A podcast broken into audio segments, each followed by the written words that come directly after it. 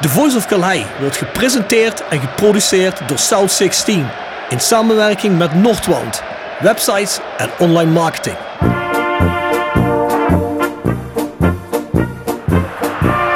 René van de Kerkhof, kom! Het hoofd van Danninga, het is het doelpunt! Het is het hoofd van het is het doelpunt!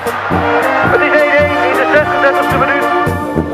drink dan eerst gezellig een kopje koffie, praat met wat mensen.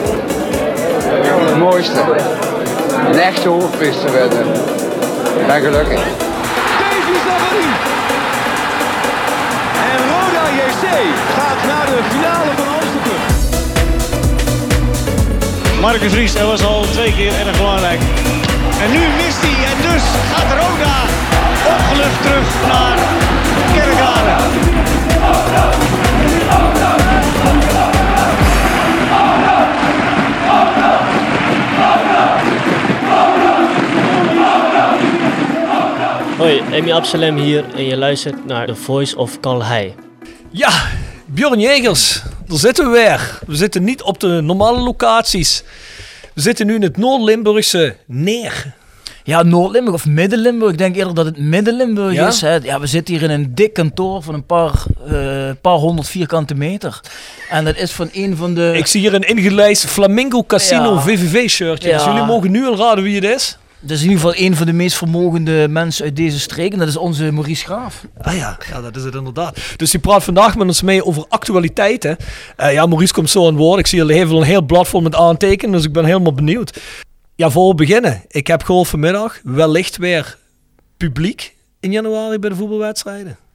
Ja, heb ik ook vluchtig iets van gelezen. Maar dan op de radio op weg hier naartoe hoorde ik dat het zou gaan om... Als ze gaan beginnen met 1500 mensen, maximaal, hoorde ik op de radio zeggen. Ja, Dus dan moeten we loodjes trekken wie naar binnen mag. Ja, en het moet een regio zijn die veiligheidsrisico 1 heeft. Of risico 1, weet ik veel. Maar ik neem aan dat dat betekent dat je in een lage risicogroep zit met je regio. Plus, je moet een negatieve coronatest meenemen, schijnt het. Dus je moet je laten testen. Ik hoorde net dat je bij het stadion zelfs nog getest zou kunnen Het worden. zal toch niet zijn dat we nu tegenwoordig alleen maar nog overal naar binnen komen met een coronatest. Ja. Ja, wie weet. In onze tijd moesten ze de vrouwen moesten een test achterlaten als ze het stadion verlieten. In onze tijd. Ja, een zwangerschapstest. Jezus, wat ik wou net zeggen. Ja. Maurice schoot ze overal binnen, niet alleen in die golen. hè. Overal. Dus, eh, er, lopen, ja, ja. er lopen nog een paar kleine grafjes rond. Ja. Ik heb het bij jullie geleerd. Een goal is een goal, hè? Ja, zo is het, zo is het. Zoals gezegd, wij werken sinds tijd samen met zijn Roda, jc.nl. Ga naar de website toe. Je kunt ook via daar de podcast streamen. Dat is ook een locatie. Behalve dat je natuurlijk ook naar Spotify, iTunes, Soundcloud kunt. En nog allerlei andere plekken waar je podcast kunt vinden. Volg ons daar. Duw op die volg-button daar. Dan krijg je telkens die nieuwe aflevering in je app of op je website automatisch te zien op de woensdagmorgen en soms ook op de zaterdagmorgen als we een extra uitzending hebben. Volg ons op Instagram, Facebook. Bij Bjorn kan het via Jegers Advocaat, bij mij kan het via South16. En dan gaan wij ook naar de laatste flessen Glück auf Dort dat wij verkopen. We zitten nu bij de laatste 30, 35 zijn we aangekomen, Bjorn. Dus ja, Maurice, drink jij bier? Liever wijn. Liever wijn? Ja. Nou, ja, dan geen flesje bier van Maurice. Heb je wijn gedronken van Wijngoed Martinez? Nee, nee, nee. Nee, heet toch Sint Martinez heet het zo. Een veilen. Ja, heel veel prijzen gewoon. Heel lekker Limburgs wijntje. Hey, dan heb je ze toch snel verkocht, hè? Die flesjes. Ja, dat is redelijk goed gegaan. Ja, ik heb vandaag nog een interviewje gedaan voor een artikel voor de Limburger. En een fotootje ervoor erbij gemaakt. Dus komt volgende week ook een, hoe heet dat, via Limburg. Ja. Daar eh, kunnen jullie ook nog een beetje promotie aanschouwen voor het bier. Over anderhalve week, twee weken zal het klaar zijn. Dus ja, dan hoop ik dat het misschien al uitverkocht is. Misschien maken we nog wat extra flesjes. Ik weet niet hoeveel precies wordt afgegeven. Misschien is er wat minder verspilling eh, in de brouwerij. En dan kunnen we wat meer afvullen. Ja, goed. Dan hebben mensen nog de kans om een mooi kerstcadeautje erbij te kopen. Hè? Vers gebrande pinda's. Wordt gepresenteerd door Hotel Restaurant de Veilerhof.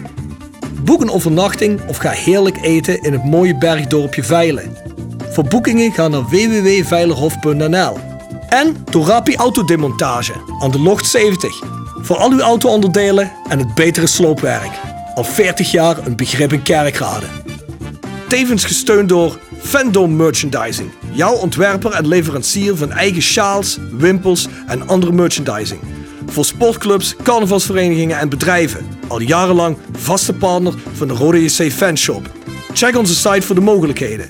www.fandom.nl Wil je mooie luchtopnames van je huis, omgeving of bruiloft? Laat mooie droneopnames maken door de gecertificeerde Sky Art Pix dronefotografie uit Simpelveld. Bekijk de site voor de vele mogelijkheden. www.dronefotografie-sap.nl Oplossing prijsvraag, ja. Die hebben we weer niet, hè Bjorn? 2-0. De Boden tegen Jong Utrecht. Hey, Dus voor niemand gescoord heeft natuurlijk. Hè. Koen Landers, die heb je vorige keer een prijs gegeven. Omdat hij veel vragen had ingestuurd en altijd netjes is. Ja, dat heb ik gedaan. En die heb ik een Voice of Calais shirt gestuurd. Die heeft ook van Fandom een Roda sjaal gekregen. Mhm. Maar ja, ik moet even op zijn plaats zeggen, Krinder Schies. wa. Ik ga geen eh, prijsvraag meer doen waarbij een Roda speler scoort. Ik mag zwaar hopen dat er gescoord wordt morgen. We zitten hier op de vrijdag voor Roda MVV. Maar ik ga hem weggeven op een andere prijsvraag. De prijsvraag is, bij welke kerkradse amateurvereniging hebben Bjorn en ik allebei in de jeugd gespeeld? Oeh, dat moeten de mensen wel meten. Ja, Ja, als ze mij kennen. Ik, ja, jij zat vaak op de bank. dus, eh, Nou, je moet het zo zeggen. Ik zat wel een paar moeilijk. generaties voor jou. Hè, ja, maar dan Ik zat je aan bij de scouting was dat. Ja, ja, Ja, ja, ja, ja, zoiets. precies. Ja, ja, Ja, ja. ja, voor de scouting. Ja. Ik was leider, mocht hem eh, knopen laten maken overal in. Ja, daar heeft hij zelf geen antwoord op. Maar goed, hij, eh, Maar deze keer geven we trouwens een, eh, een originele prijs weg. Ik ben gecontracteerd, gecontracteerd, nou ik hoop niet gecontracteerd, maar ik ben gecontacteerd door Dennis van HeerlenIllustrated.nl. Die maakt eh, hele mooie pentekeningen van ja, historische ja, of monumentale panden in Heerlen. Maar die heeft er ook een van het PLS, dat is een hele mooie. En op zijn website zijn die te verkrijgen voor geld. Maar die zegt, nou jongens, wat vinden jullie ervan als jullie er eentje weg gaan geven? En dat gaan we doen. Dus degene die kan raden bij welke amateur voetbalvereniging, Bjorn en ik allebei eh, in Kerkrade gespeeld hebben. Dan kun je winnen, dan loten we erin uit. Ben Dus, benieuwd. Ja. Hey mensen, voor het bier en voor andere 16 merch. De kerst komt eraan, dus ga er eens kijken. shop.south16.com. Uh, uiteraard ook nog onze Voice of Calais shirts. Die zijn nou wel echt op het einde aan het lopen. Dus Bjorn, ik ga je binnenkort dus echt eens een keer die layout sturen voor dat nieuwe shirt. En dan gaan we er natuurlijk ook in naar Maurice sturen. Hè, want die gaat het tijdens de sport in aantrekken op Instagram. Ja, Ja. ja. Ja, voor alle vragen en opmerkingen stuur naar thevoiceofcalais.south16.com al je e-mail. Tip van de week, Bjorn. Tip van de week. Gepresenteerd door Jegers Advocaten. Ruis de Berenbroeklaan 12 in Heerlen. Hart voor weinig, nooit chagrijnig. www.jegersadvocaten.nl En Nextdoor Kapsalon, Nagel en Beauty Salon op de locht 44A8 te Kerkrade. Tevens gesteund door Financieel Fit Consultant. Als je bedrijf kan met medewerkers die uitvallen als gevolg van financiële problemen. Nooit meer klagen over loonbeslagen. Schrijf naar charles.duurzaambewind.nl Ja, ik heb een tip van de week. Ik heb, ik geloof vorige week of de week daarvoor, heb ik de documentaire zitten kijken. Het duurde een, een uurtje van eh, Antoine Griezmann. Was toch een speler die eh, in de jeugd bij alle Franse clubs werd afgewezen. Nergens ertussen kwam. En toen op 14-jarige leeftijd naar Real Sociedad is gegaan. Dat is ook in Spanje. club, en ook Ja. in Spanje is gaan wonen. En eh, ja, daar uiteindelijk met veel pijn en moeite het eerste heeft gehaald. En toen eigenlijk pas is gaan renderen en toen naar Atletico Madrid. Nou, de rest kennen we. Ik vond het wel interessant, want ik lees heel veel mensen tegenwoordig die, ja, die allemaal roepen dat Griezmann niet goed genoeg is voor Barcelona.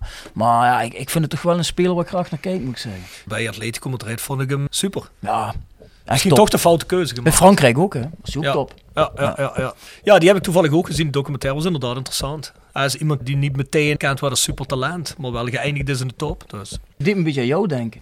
Ja, als jij herkent dat ik geëindigd ben in de top en ik dat van jou op, joh. Nou, Top van de goed. podcast. Ja, ja, de top van de podcast. Hè? Nou. ik heb ook een tip. Iron Man. Dat gaat over West Ham en vooral het verhaal hoe ze de laatste wedstrijden in het oude stadion spelen. De Bowling Ground op Green Street. En de overgang naar het nieuwe stadion, het Olympisch Stadion. Ja, wij weten allemaal naar de hand dat dat in het eerste seizoen vooral niet zo vlekkeloos is verlopen. Is allemaal gezeik geweest ook met fans en die waren er niet zo blij over uiteindelijk. Dat is nu wel weer een beetje beter denk ik, maar dat is wel een leuk verhaal. Ze interviewen ook vooral de jongens van West Ham die ook uit de East End zijn in Londen. Die hebben ook echt een captain die ook echt uit de regio komt. Op een gegeven moment is het best wel ze afscheid nemen van het stadion. Dus het is eh, leuk om te kijken. Die vond ik op Amazon Prime. Maar ja, weet ik waar die in Nederland te vinden is. Dat is in ieder geval in Duitsland. Dus, maar die heet Iron Man. En ja, dat gaat over een, eh, een stukje West Ham geschiedenis. Dus dat is wel leuk om te bekijken. Dus dat is je tip voor het weekend, Bjorn. Nou, ik heb geen Amazon Prime, jongen. Ja, maar Ik je heb ook kunt geen Videoland. Je noemt allemaal streams die ik niet heb. Nou, misschien is hij in Nederland op Netflix. Dat zou best kunnen. Dus. Maar je mag nog een keer vertellen wie vandaag de gast hebben. Ja, luister, kijk, we zijn natuurlijk allemaal fors teleurgesteld over de prestaties van Roda. Inmiddels mag ik wel zeggen een tikkeltje gefrustreerd.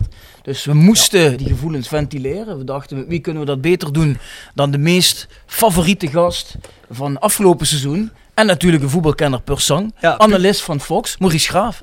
Hi Heren, Maurice. Ik ben blij dat jullie die eh, wereldreis gemaakt hebben. Geweldig, Ja. ja. Maurice houdt net zijn pokaal omhoog. Die kunnen jullie ook aanschouwen op onze sociale media. We hadden het einde van dit jaar gevraagd aan jullie. Wie was nu jullie favoriete podcastgast? Nou, en toen kwamen er een aantal namen voorbij. En degene die het meeste voorbij kwam was die van Maurice Graaf.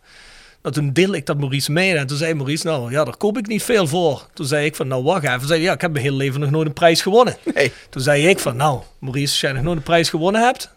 dan vinden wij dat wij van de Voice of Calais wel moeten regelen dat jij een prijs krijgt. Dus we hebben hem vandaag zijn bokaal overhandigd. We hebben het er niet meer over gehad aan de telefoon, maar eh, ik, ik was wel benieuwd of je hem bij je zou hebben. Dus Ja. ik, ben, ik ben er ook echt blij mee. Hij krijgt ja. hier een prominent plekje. Dat hoop ik toch. Heb je iemand Maurice hier die dadelijk even een fotootje kan maken van ons drieën met dat ding? De hond. De hond? Ja, vraag hem even. Hoe heet die? Eh, Boemer. Duke, Doeke. Oh, Duke. Maken we zelf toch een, eh, een, eh, Ja? selfie? Ja, maken we selfie. Selfie. Komt goed. goed. Ja, jawel, dat komt goed. Ja, mensen, heel even voor we beginnen met Maurice. Jullie vragen je waarschijnlijk af, hey, wacht even, het is woensdag. Hebben ze niet gezegd dat ze eigenlijk met Henk Bakker zouden zitten? Dat klopt, we zouden eigenlijk vorige week met eh, Henk Bakker een podcast opnemen. Maar Henk die moest gezondheidsgerelateerd verstek laten gaan. Maar dat is geen afstel, dat is uitstel. We hebben heel veel vragen voor Henk binnengekregen. Dus ja, goed, dat wordt eh, ingehaald. Die Misschien kan we, ik die beantwoorden. nou, dat weet ik toch niet of jij die kunt beantwoorden, Maurice. Komt voor de bakker. Ik denk dat Henk al actief was bij Roda voordat jij gehoord had van Roda. Dat denk ik ook, ja. Nou, je weet wie Henk Bakker is? Nee. Dat, dat, ja, dat kan dat niet, hè? Ja, toch voor, voor eigenlijk een Roda-kenner moet hij dit... eh, misschien Hij wel- zal Henk toch wel eens in het stadion toen zijn eh, tegengekomen op Calheide, mag ik Denk daar ik aannemen. wel. Henk Bakker is 90. eigenlijk de initiator en de grote drijfveer achter de sportsvereniging van Roda. Busreizen, organisator. Crossreisorganisator, Ja, oké. alles. De eerste merchandise hebben ze ooit verkocht. Hij heeft zelfs met de worstenkraam heeft hij gestaan op Kalheide heel vroeger. Dus van alles deed hij om het maar aan schwung te krijgen. Hè? Ja. Henk is nog tot eigenlijk nu op zijn oude dag nog altijd wel actief voor Roda. Dus. Dat zijn, eh, de, dat zijn de mensen waar je het van moet hebben. Ja, dat is een, eh, is een Vrijwilligers. tribune-legende is dat eigenlijk, hè, Henk Bakker. Dus. Maar goed, laten we overstappen op de thematiek van vandaag. En dat is Wat is Roda? JC. Wat is er aan de hand, jongens? Ik heb een wedstrijd gezien afgelopen maandag. Ik zat te kijken en ik denk van ja, naar Den Bosch en naar Fortuna thuis vond ik allemaal niet zo spritsig zoals we zeggen. Er zat weinig energie in, het was weinig overtuigend en zoals jullie weten, we zijn altijd positief eigenlijk als grondinstelling. Maar na de eerste 45 minuten was ik het wel een beetje kwijt. Hoe hebben jullie dat gezien? Maurice, heb jij de wedstrijd gezien? Ik ga niet op een maandagavond Jong FC Utrecht kijken. Tegen, ook al is het tegen Roda dus. Ja. eh, dat, dat gaat bij mij echt een, een stap te ver. Ik vind het verschrikkelijk dat die jong teams in de competitie zitten. Ja. Helemaal mee Dat eens. vind ik echt een, een drama. Dus nee, daar, daar, die wedstrijd heb ik niet gezien. Ik heb wel eh Roda JC een aantal keer eh, aan het werk gezien al. Maar maandag heb ik verstek laten gaan. Ik heb alleen eh, achteraf teruggezien. De, de, de hele relaxed eh, analyse na afloop. eh, waar ik me over verbaasd heb van, eh, van de aanvoerder. Beetje gelaten zo. Terwijl ik denk, als je van jong FC Utrecht verliest, met alle respect, maar dan moet er toch gevloekt en getierd worden. Dan moet je elkaar toch aandurven te spreken op wanprestaties. Maar Ja, als het nou nog een jong Utrecht was geweest waarvan ik zei van nou ja, dat overrompelde Roda totaal. Superspel. Nou ja, de jongens hebben goed gespeeld verder, maar dat is niet iets waar Roda van, van had hoeven te verliezen als Roda gewoon gespeeld had. Zoals ze volgens mij nou hun kunnen kunnen spelen. Maar Bjorn, eh, laat jij je lichtstop schijnen. Ja, goed, kijk, we zeggen nu natuurlijk acht wedstrijden achter elkaar van ja, goed, eh, ze hadden kunnen winnen als ze gespeeld hadden zoals ze kunnen spelen. Ja, dat is natuurlijk wel gek, hè, want ehm, daar hebben wij het al vaker over gehad, Rob. Wij vinden toch eigenlijk nog altijd dat Roda op iedere positie een betere speler heeft aangetrokken dan die er vorig seizoen speelde. Alleen, ja, na die eerste vier wedstrijden komt het er totaal niet uit. Het straalt weinig energie uit, het voor- straalt weinig Voor één plezier uit. positie al zeker niet zo, Bjorn. En dat is? Ja, mijn positie, de spits. Als je Ja, oké, ik ook, ook, ja, pakt ja, en, en je vergelijkt dat met wat dit jaar er allemaal in de spits loopt. Daar ben ik het niet helemaal mee eens, want eh, de Fabian Serrarens die ik op het netvlies heb van bij de Graafschap, die zelfs nog in de Eredivisie de nodige doelpuntjes heeft meegepikt voor de Graafschap, zou toch voor de keukenkampioen-divisie een meer dan capabele spits moeten zijn. Misschien geen Oekbo, maar in ieder geval wel een jongen van wie je veel meer verwacht dan dat hij tot nu toe laat zien. Zelfs de Danny Bakker had ik het net met Maurice nog van tevoren even over. Een jongen die 180 wedstrijden voor Den Haag in de Eredivisie heeft gespeeld. Ja, speel alleen maar balletjes breed of terug. Nick Ja. Vossenbelt, ervaren jongen. Valkenburg, Alberg, eigenlijk de jongens met routine voor wie je denkt, die moeten de kart trekken. Ja, die laten het naar mijn idee het meeste afweten. Dat klopt. Ben ik er meer op gaan letten. Hè, want ik vond die Vossenbel al eigenlijk vanaf het begin niet heel erg overtuigend. En dat wordt natuurlijk gecamoufleerd als je resultaten in het begin goed zijn.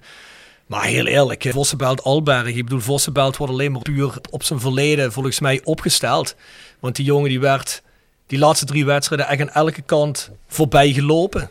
En daar heb ik het echt letterlijk overlopen. Want soms hoefde je niet eens te rennen om hem voorbij te kunnen en hem achter je te laten. En dat vind ik voor een verdedigende middenvelder, die eigenlijk de eerste grendel achter de deur moet zijn voordat de verdediging eraan te pas komt. Die stopt helemaal niks af. Die Vossenbel en die Bakker, hoe heette die jongen met die tien van Jong Utrecht? eh af Asjefai. Ja, die Asjefai die kon gewoon doen en laten wat hij wilde. Die wordt helemaal niet opgepakt. En die acht ook, die Boussaïd. Ja. Het hele centrale middenveld werd eh, volledig overlopen. Maar dat zie je de laatste wedstrijden sowieso. hè. De aanvallende centrale, gezondheid Maurice, de centrale aanvallende middenvelders van die teams waar we tegen spelen, die hebben vrij spel. Het is gewoon veel te langzaam op dat middenveld.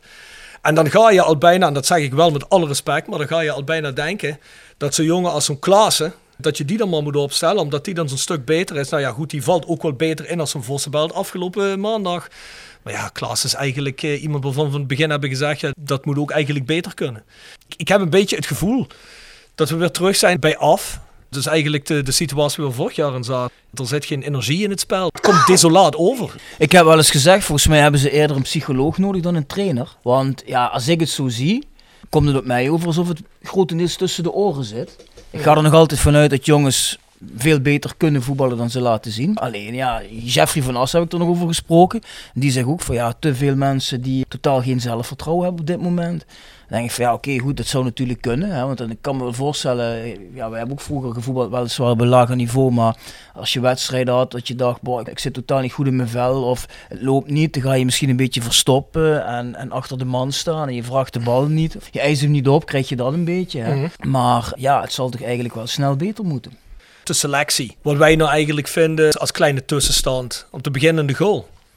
Ja, ik vond die Miguel Santos afgelopen wedstrijd nog de beste voor Rode. Die jongen, als die er niet in gestaan had, had je met rust al eh, 3-0 achter gestaan. Die Miguel Santos kan ik eigenlijk weinig aanmerken. Ja, de laatste wedstrijd niet. Maar er zijn ook wedstrijden geweest van tevoren. waar ik dacht van ja, die hoef je echt niet in plaats van Rouleau op te stellen. Ah, ik vind hem wel wat beter dan Rolo. Je hebt daar, hoe lang is Hoekstra eruit nu?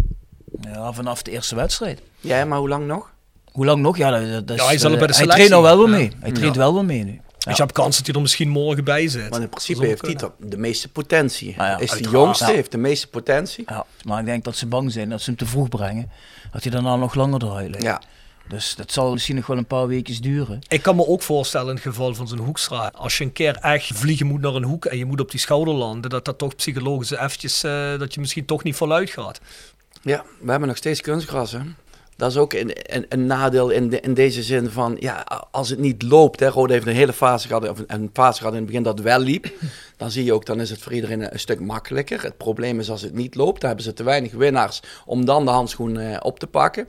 Maar eh, eh, als het niet loopt, kun je ook niet uitleven op kunstgras. En in de eerste divisie is heel veel kunstgras. Dat je zegt van, oké, dan zorgen we dat, zoals wij dat dan vroeger hadden, dan, zorgen we dat we in die duels komen, dat we ze aanpakken. Maar op kunstgras, het gaat allemaal zo snel. En het is niet echt van de slidings en van de duels.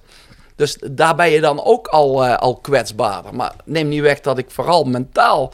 eh, dat, dat mentaal rode JC me ontzettend eh, tegenvalt.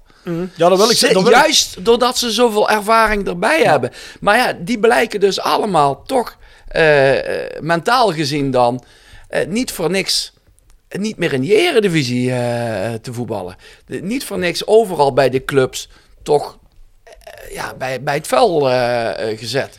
Daar hebben ze wel heel veel eredivisie ervaring, een aantal. Maar dat is toch een, eh, ja, eh, het is nooit echt goede basisspelers eh, geweest. Sararens noemde je straks. is nooit echt een vaste basisspeler geweest bij, bij, de, graaf, bij de graafschap. Wel in de keukenkampioen-divisie. Ja, ja maar toen heeft hij ook niet uitgeblonken met heel veel doelpunten maken. Wij hebben waarschijnlijk die beelden voor ons dat hij een paar keer opgevallen is. En daar baseer je je hele mening eh, dan op. Ja, doe, doe ik ook vaak. Ja, ik weet dat die bij, bij de fans van de graafschap is die mega populair. Ja. Dat zal waarschijnlijk niet voor niks zijn, maar je ziet het nu inderdaad totaal niet. Ja, maar laten we dat Misschien dadelijk brengt hij ze allemaal onder de tafel. Laten we er dadelijk heel even op terugkomen. Laten we heel even van achter naar voren gaan. Ja, dan begin ik op rechtsback. Dat is Marcel. Marcel. Ja, vind ik de laatste wedstrijden ook echt zwak spelen. Toen hij nog naar binnen werd geschoven op die centrale positie, dat is natuurlijk ook een keuze van Streppel. Maar is eigenlijk gewoon allebei de goal schuld. Hij laat allebei de keren. Staat hij Fortuna, hè? aan, ja, staat hij aan de foute kant te dekken. Ja. Sowieso voor het algemeen heel zwak in het verdedigen. Ik begrijp dat Streppel met backs naar voren wil spelen. Al komt dat er de laatste wedstrijden ook niet uit. Maar verdedigend vind ik hem heel zwak. En dat vind ik ook de laatste wedstrijden ook echt opvallend bij Absalem. Toch die verdedigende zwakte. Dus eh zeggen jullie maar. Ik, ik vind dat je gelijk hebt, maar aan de andere kant eh, vind ik eh, dat je geen betere hebt. Je hebt Schlusser achter de hand. Maar ik heb Schlusser vorig jaar ook een aantal keer aan de verkeerde kant eh, eh, zien Ja, dekken. nee, dat ze hem aan de klopt. binnenkant weglopen. En het is wat je net zei. Hij staat er vooral eh, omdat hij aanvallend eh, Mhm. zijn kwaliteit heeft. Alleen de laatste weken zien we van heel Rode JC eh, Nee, niks. minder aanvallend. Ja, die jongens worden dat natuurlijk ook niet in hun kracht gebruikt. Hè? Want ja, we zijn bijna niet meer aan het vallen. Want we spelen twee, drie keer de bal naar een geel shirtje. En dan zijn we hem kwijt en dan moeten we weer achteruit gaan rennen. Maar dan ben je wel af aan het vragen, wat voor tactiek zijn we er nou eigenlijk aan het spelen? Want als jij die jongens haalt, precies om dat te doen wat je in de eerste drie, vier wedstrijden hebt gespeeld. En sinds Eindhoven uit, daar is op de een of andere manier met dat verlies in de laatste minuut, denk ik, ergens iets geknapt. Want daarna is het nooit meer goed gegaan. Dan vraag ik me af, wat ben je dan nou aan het spelen? Dat is ook een beetje streppel dan debet aan. Hè? Want dan denk ik van, ja, dat vooruitspelen, als je dat niet meer doet, dan heb je twee jongens op back staan die niet de beste verdedigers zijn. Die toch de hele tijd in die verdedigende rol worden gedwongen. Daardoor, omdat ze niet meer naar voren spelen. Maar ik denk Ja, niet dat het aan de tactiek ligt. Want volgens mij, die Streppel die, die schreeuwt continu eh, dat ze druk naar voren moeten zetten. Dat zei ook Fluke bij ons in de podcast. Van ja, we willen gewoon eh, naar voren voetballen. Maar ja, het komt er gewoon totaal niet uit. Oké, als het dan de tactiek niet is, dan vind ik het wel vreemd. Want dan wordt het dan niet tijd om gewoon met andere spelers te spelen die dat wel doen. Dat is wat ze nu ook gezegd hebben. hè. Dat werd gisteren nog gezegd in die livestream-uitzending. Dat eh, sommige jongens nu lang genoeg de kans gehad hebben. Dit niet hebben laten zien. Ja. Dus nu krijgen anderen een kans. Dat lijkt me logisch. Laten we heel even verder aflopen. Andere kant, Absalem. Ja, ook minder dan in het begin van het seizoen. Maar ja, ik kan me voorstellen, kijk, als je hele team een stuk minder functioneert, ja, dan gaat die jongen natuurlijk ook eh, meedoen in de malaise. Op zich vind ik in zijn totaalheid gezien, keeper achterhoede op dit moment minder, minder probleem. probleem. dan middenveld en Ja. voorhoede. Dat is zeker waar. Terwijl op papier de namen op het middenveld en in de voorhoede eh, aanzienlijk Ja. beter zijn. Maar ja, papier... eh, We hebben het hier wel over slecht, niet zo slecht en heel slecht op het moment. Hè. We hebben het niet over heel erg goed, eh, goed en beter. Ja, Dus, maar ik, ik bedoel, je hebt een aanvoerder van 34 jaar eh, centraal in de verdediging staan. D- daar verwacht je dan op dat gebied meer leiderschap van. we hebben Kees ook in de podcast gehad. En ik heb een beetje het gevoel dat... eh, dat is eigenlijk in principe wel een goede eigenschap, maar voor dit niet, is dat volgens mij Kees gewoon te aardig is. Is heel Rode JC niet te aardig? Ja, volgens mij wel. Volgens eh, de trainer en de technisch directeur wel. Wat ik zelf wel heel gek vind, want Ze hebben zelfs de selectie samengesteld. Ja, dat. En, en ik zei van tevoren tegen Maurice, je haalt alles jongens uit eh, Den Haag, Randstad, Amsterdam, Leiden. Wat normaal gesproken wel bekend staat. Ja. Sebrani Ja. hebben een grote waffel. In tegenstelling tot ons uit het zuiden.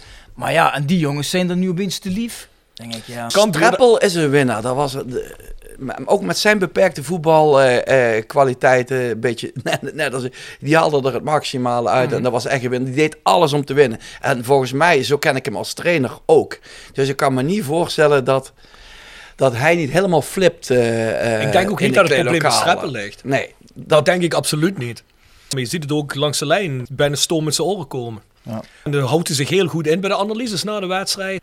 Maar ik was wel heel blij dat hij zei, nu na Jong Utrecht, bepaalde jongens stralen helemaal geen energie uit. Er komt helemaal niks uit en dat is iets wat absoluut niet kan, want dat moet het mensen zijn. En dat is ook wat wij altijd gezegd hebben, ook vorig jaar. En dat zegt iedereen Ja. al jaren. Het minste wat je kan doen is, al kun je niet beter of ben je niet in vorm, rennen. afjagen, proberen je volledig in te zetten. Al doe je het maar dat de mensen ik de zeg indruk altijd, hebben dat geldt voor alle, voor alle clubs. Maar bij Rode JC en Feyenoord, het meeste van alle clubs in Nederland, vind ik dat, dat Vind die ik waarde terug moet. Ja. doen. Je prijst jezelf aan als arbeidersclub, als club van de mijnwerkers. Ja. Ga je dan zo lamlendig staan voetballen?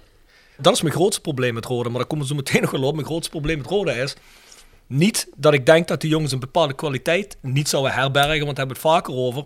Als ze dat allemaal kunnen afroepen, hebben we helemaal niet zo'n probleem. Dan speel je ergens tussen 8 en, en 5. Dat is het probleem niet. Alleen, de basis van inzet en energie ontbreekt compleet op het moment. Dat kan zijn omdat ze misschien van nature helemaal niet die kwaliteit voldoende bezitten. Of omdat het tussen de oren gewoon niet goed zit. Daar ben ik niet over uit. Is het nou een probleem van eh, we hebben geen zelfvertrouwen en we durven niet meer te voetballen, zoals Streppel vaak zegt, en daardoor ziet het er zo uit? Of wordt er echt onvoldoende gedaan? Het is en en. hè. Ik denk dat het ook een kwaliteit is die een heel aantal spelers missen. Om, om, als het, je ziet als het lekker loopt, dat een heel aantal eh, eh, gasten aardig kunnen, kunnen ballen. Ik zei straks al tegen, tegen jou, Bjorn Aalberg, vind ik daar wel een heel mooi voorbeeld van. Dat is een van de ouderen, 30 jaar. Scoort misschien het makkelijkste van het hele team. Eh, die voetbalt heel goed als Roda lekker draait. Maar dat is de eerste die afhaakt als er echt gevochten moet worden, in mijn eh, opinie.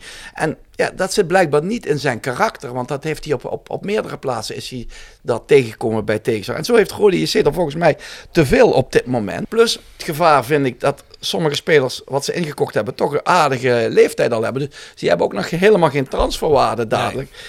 Dus dan heb ik zoiets van, ja, dan ben ik blij met, met zo'n met zo'n met zo'n fluke. Met, eh, dan snap ik niet dat Nicky Soeren, die zal nou dan wel een kans gaan krijgen. Ja, we zitten nou voor MVV. Op het moment dat dit uitgezonden wordt, is MVV geweest. Weten we of de pleuren zeg is uitgebroken of dat alles weer even relatief rustig is. Maar eh, ja, eh, ik, Soeren staat bij mij. Ik heb met Van Veldhoven anderhalf jaar geleden gezeten. Die zei tegen mij, we hebben twee spelers met transferwaarde bij Rode JC. Op dat moment, hè, even terug in de tijd, anderhalf jaar. Ja. Novakovic, talentvolle keeper. En Nicky Soeren. Dan zijn we anderhalf jaar verder. Nou, die zijn geen, geen stuiver meer waard op dit moment. Nee, dat is ook zo. Moet ik eerlijk zeggen dat als ik kijk naar eh, Jong Utrecht nu eh, afgelopen week, daar presteren Bakker en Vossenbelt niet. Vossenbelt wordt eruit gehaald en dan komt Robert Klaassen weer erin. Dus het zou mij niet verbazen als tegen MVV Robert Klaassen speelt, maar Nicky Zoer nog altijd niet. Ja, precies. Terwijl wij, ja, wij al eerder gezegd hebben, Nicky Zoer is ook echt niet minder dan Robert Klaassen. En dan zou ik te alle tijden kiezen voor het eigen talent die mogelijk zich nog kan ontwikkelen en transferwaarde oplevert. Kijk, wat Robert Klaassen heeft ook een aflopend contract en die zal komende zomer ook wel weer vertrekken. Wat mij ook heel erg opviel, maar dat heeft ook met de speelwijze te maken. Toen ze nog geen spits hadden, toen Serrarens en Valkenburg nog niet waren aangetrokken, stond Aalberg in de spits. En speelde je dus met Goppel en met, eh met Kroeks met heel veel snelheid en, en verrassing aan de buitenkant. Aalberg die een valse spits was, die zakte, die zakte eh, terug. Waardoor er ruimtes kwamen waarop de, de verdediging van de tegenpartij niet wist. Moeten we doordekken, moeten we blijven? Je kon dus eh, mensen aan het bal krijgen, waardoor Rode eh, verrassend was en, en veel flitsender als, als nu. Dan denk ik van, nou ja, als je ziet dat Serraren helemaal niks brengt, dat Valkenburg in mijn ogen, ja, die is er lang uit natuurlijk, maar ook te weinig bracht in die wedstrijden die hij speelde. Misschien moet je naar, naar zo'n constructie weer, eh, weer toe. Ik ben nog altijd, ook al eh, speelt Jordi Kroeks niet goed, hè, dat, dat vind ik ook, ben ik fan van, van, van Kroeks. Ik heb Ja. die Goppel eh, een aantal keer gezien. Nou, ik denk, als tegenstander, als je die twee moet verdedigen, ja, dan heb je toch, Je hebt in eh, ieder heb geval je je toch handen een probleem. Ja. ja. Ja, ik ben het wel met Maurice eens. Want er was één wedstrijd, dat vond ik heel gek. Volgens mij was dat Telstar uit. Toen zaten Kroeks en Goppel op de bank. Speelden we voorin met Alberg op links, Serrarens in de spits en Valkenburg van rechts. Ja, had je dus drie trage spelers op een rij. Er zat nul verrassing in en dat was zo makkelijk te verdedigen, waardoor je ook helemaal niks creëerde. En een Kroeks en een Goppel is voor een verdediging denk ik toch altijd lastig. Ook Kroeks en Goppel, allebei te lief. Daar moet ook allebei meer brani in We komen. komen sowieso nog zo meteen bij de aanval terecht, dus laten we het heel even bewaren. Goh, wat Ehm, ga jij langzaam, man.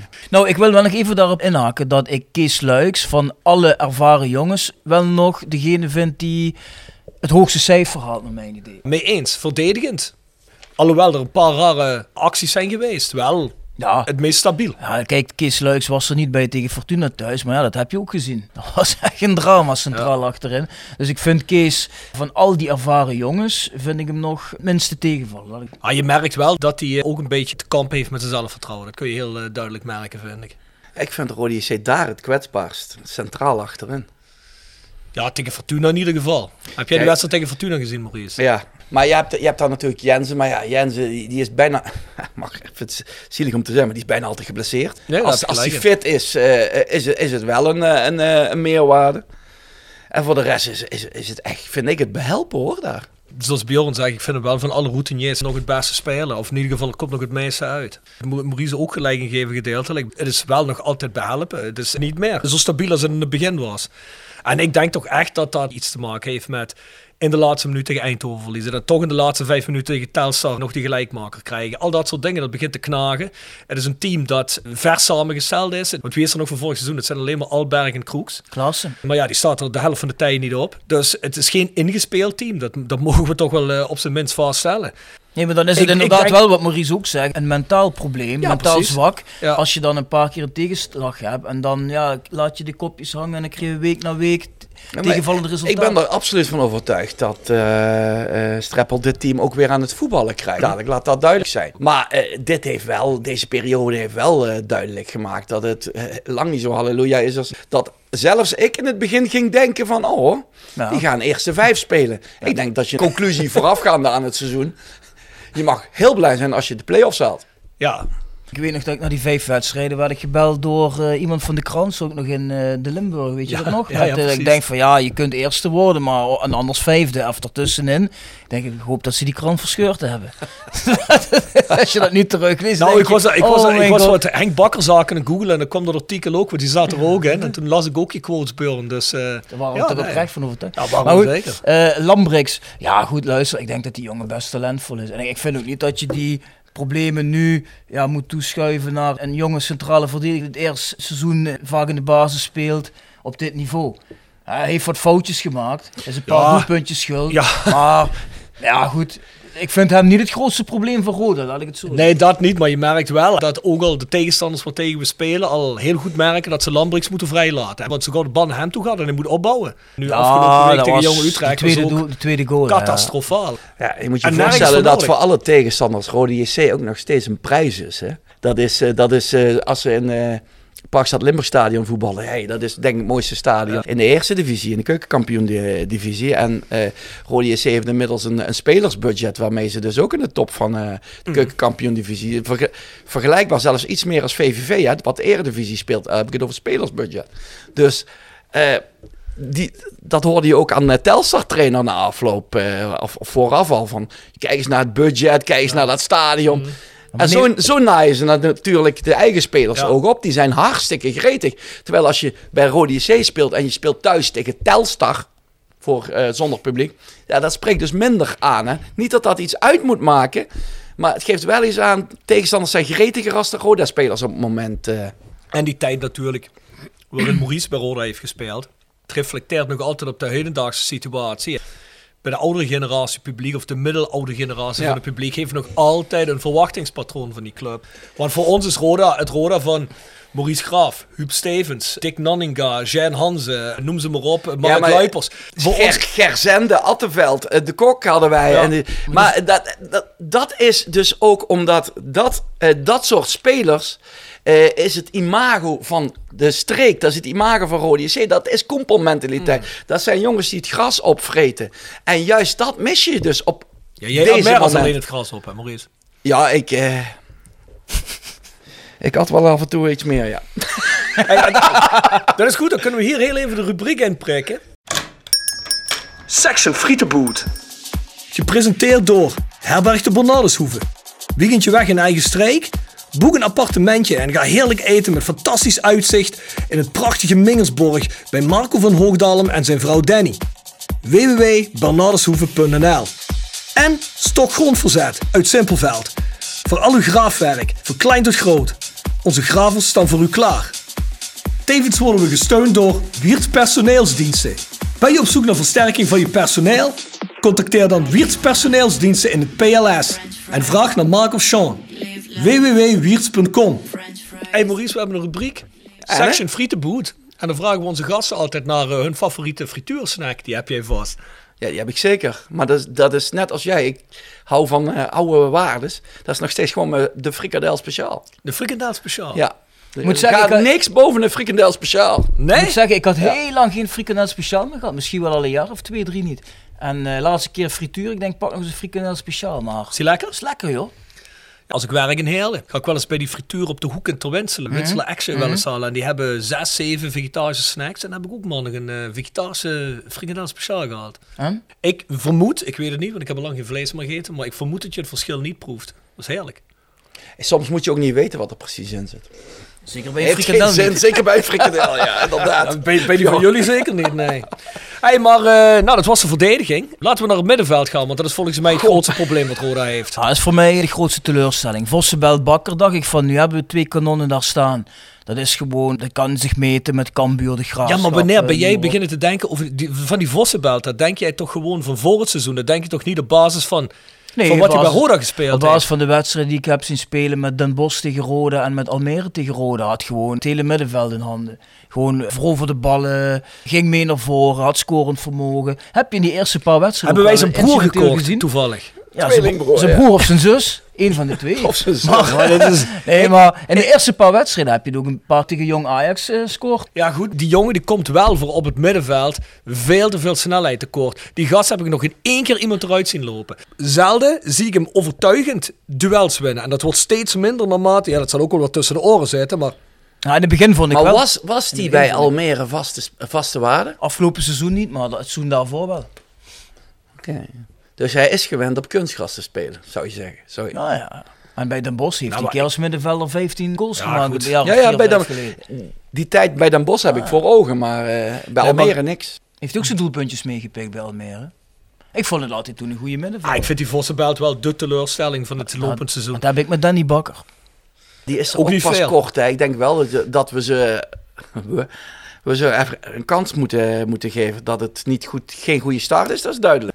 Het seizoen is ook weer zo. En eh, ook daarin eh, zijn de Roda-supporters wel koploper in Nederland. Als je van de MVV wint eh, en ze maken allemaal een doelpunt, is eh, alles vergeten en vergeven. Tuurlijk. Krijgen ze, dan gaan we een shirtje Eh, eh, kopen. ja, eh, dat bedoel ik. Eh, Nee, we, maar- zijn wereldkampioen, ons al kampioen praten. Ja. Vier wedstrijden, maar we zijn ook wereldkampioen super pessimistisch zijn. Daar gaat het om, daar heb je volledig gelijk in, Maurice. Maar, Nee, maar ik denk dat we op het moment nu bezig zijn over de frustratie. Even. Nee, die we tot nu toe voelen, want iedereen weet wel die naar die podcast luistert, wij soms overdreven positief zijn. En ik denk ook wel, zoals Maurice zegt, Streppel zal het op een gegeven moment ook wel aan de praat krijgen. Want ik denk, ook al zijn er wat oudere jongens bij, en duidelijk dat veel van die jongens ook over een top heen zijn, wat niet wil zeggen dat ze niet nog goed genoeg zijn om gewoon goed bij Roda te kunnen spelen en ons gewoon op een goede positie te laten belanden. En ik denk ook wel dat Streppel, want een Streppel heb ik wel. Maar ze, moeten, ze moeten wel nog dat vuur. Dat vuur moet er nog uitkomen. Ik, eh, ik- En- Maar denk en je niet dat dat er ook aan ligt dat, dat die groep nog meer samengesmolten moet worden? Dat ze nog meer voor elkaar door het vuur gaan? Want ik bedoel, hoe lang zijn die jongens altijd, samen? een, altijd een aantal factoren die een rol spelen. Het is eh, vertrouwen. Dus als je dadelijk een keer een wedstrijd gaat winnen en eh, dat je vertrouwen tankt. Ja, ja, ja. En eh, dan, speelt dat een, dan speelt dat absoluut een rol. En een ander is inderdaad het ingespeeld raken als team. Het, maar ook het elkaar de waarheid durven te vertellen. Zeker als je zo'n gemeleerde groep hebt. Ja, dat is even wennen, maar je moet elkaar wel eh, durven te zeggen waar het op staat. Ik bedoel, volgens mij spreken de meesten toch echt allemaal dezelfde taal. Ja, dan zei Jeffrey ook dat de groep veel te lief naar elkaar toe was. Dus dat zal inderdaad ook nog wel een rol spelen. Kees Luik als aanvoerder gewoon iets te aardig is. Ja, het zou kunnen, maar ja, goed, daarvoor heb je nog een paar andere gasten natuurlijk. eh, Ja, goed, als aanvoerder bedoel, moet je natuurlijk wel voor Robin lopen, denk ik. Ja, ja oké. Ja. Ja, goed, ik denk ook inderdaad, kijk, we zijn nu natuurlijk een beetje negatief, omdat we deze podcast nu opnemen. We hebben misschien al anderhalve maand of twee maanden teleurstellende resultaten. We zullen vast nog wel een keer in dit seizoen een serie krijgen waarin de resultaten beter gaan worden. Alleen, ik denk wel, wij hadden natuurlijk na die vijf wedstrijden de hoop van, hé, hey, we zouden ons wel eens kunnen mengen bij die eerste vijf. Mhm. Maar ik denk dat Streppel en Van Ast dat stiekem ook gedacht hebben. Tuurlijk. Die zijn echt niet het seizoen ingegaan met, wauw, kijk of we met vier achtste of zevende die players kunnen binnensneaken. Die hebben echt wel intern de lat hoger gelegd. Ja, je, je gaat ervan uit als je direct zulke resultaten haalt en je raakt ingespeeld dat het alleen maar beter wordt. Precies. Maar ja, je hebt nou die dip gekregen. Maar is het dan mentaal zo zwak? de angst die ik heb voor het mentale gedeelte. Dus dat we toch eh, die, die aankopen, dat die mentaal niet sterk genoeg zijn om dat te dragen in ieder geval. Maar dat vind ik wel eh, een ja. punt wat Maurice zegt. Je gaat vier wedstrijden, speel je prima, win je er drie, terwijl je een gemankeerd elftal hebt. En daarna haal je nog drie, vier jongens op papier goede versterking. En dan denk je, hey, als die wat langer samen spelen, kan het eigenlijk alleen maar beter gaan. Dus het is eigenlijk heel gek wat er gebeurt. Ja, er komen ook jongens op de bank daardoor. En dat zorgt ook weer voor een andere eh, eh, motoriek in een, in een team. Ja. Teleurstellingen. En dan krijg je dus ook, kun je dus ook als je dat gaat verliezen in een negatieve spiraal eh, eh, geraken.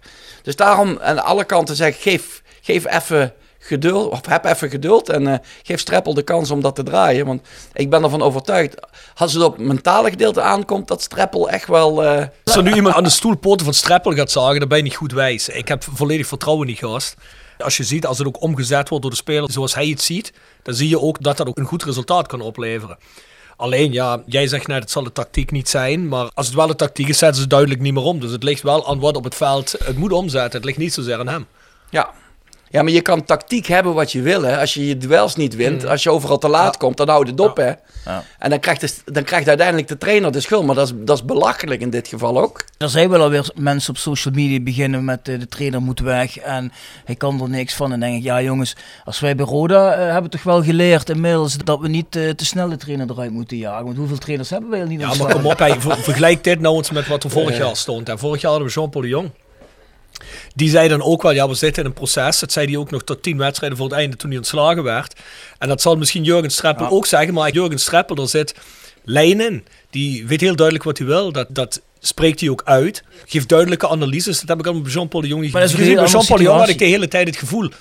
Hij weet niet waar hij mee bezig is. Dat heb ik bij Streppel helemaal niet. Ja, maar Jean-Paul de Jong had ook helemaal geen draagvlak meer binnen de selectie en binnen de club aan zich. Of vanwege de manier waarop hij zich gedragen heeft. Mhm. En dat is een hele andere eh, situatie. ik stond voor Fox Sport vorig jaar toen Jean-Paul de Jong er was. Eh, toen hadden ze al een paar keer verloren. Eh, moest ik als analist optreden en toen kwam die naar me toe. eh, voor de wed- wel positief hè. Ja, ja. Want we kunnen geen negatief, wel positief.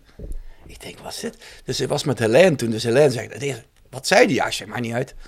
Nee, nee, wat, wat zei die? Ik zeg dat ik positief moest zijn eh, over Roda. Dus Helene begon uit zijn. Wat zei Jean-Paul de Jong net tegen jou? Ik zeg, dat ik positief moest zijn over Roda. Ja, ik zeg maar, ik, eh, ik vertel wat ik zie. Ik zeg maar over het algemeen. Ik zeg, ben ik alleen maar positief over Roda? Want Ik zeg toch even mijn, eh, mijn clubjes die ik een heel warm hart toe, toedraai. Dus eh, ja, maar dat is inderdaad typisch Jean-Paul de Jong. ja, Ja, ja, ja. dan wil hij... Achter elke boom een vijand. Ja.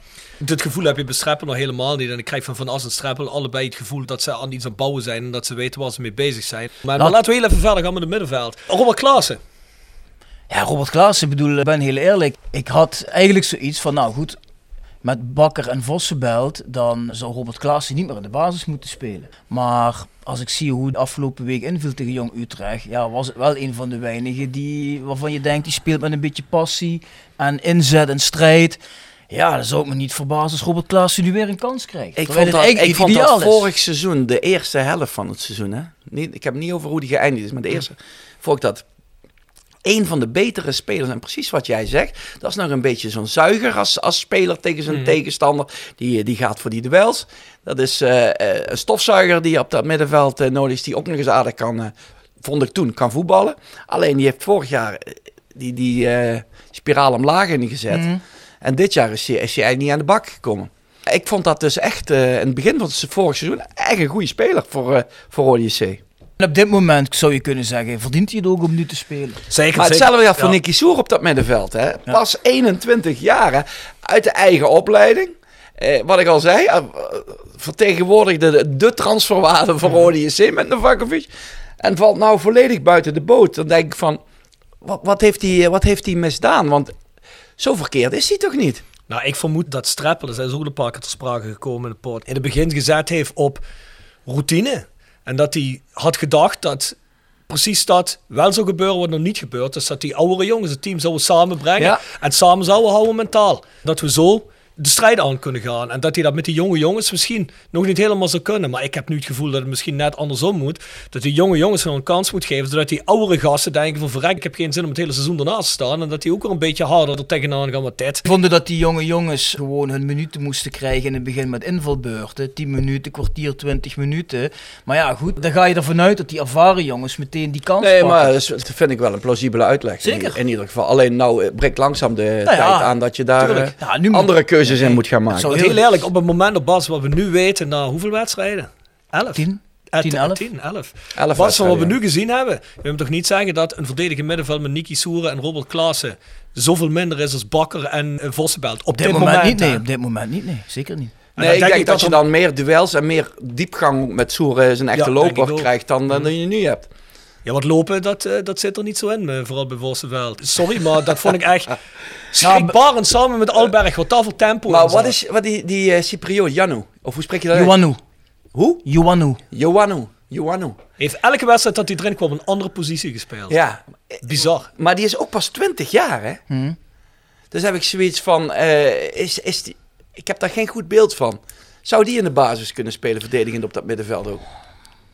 Ja, Want ze hebben hem eh, centraal gebruikt, rechtsback is hij geweest. Linksback. Linksback, ja. Streppel zegt in ieder geval, daar gaan we dit seizoen nog veel van horen.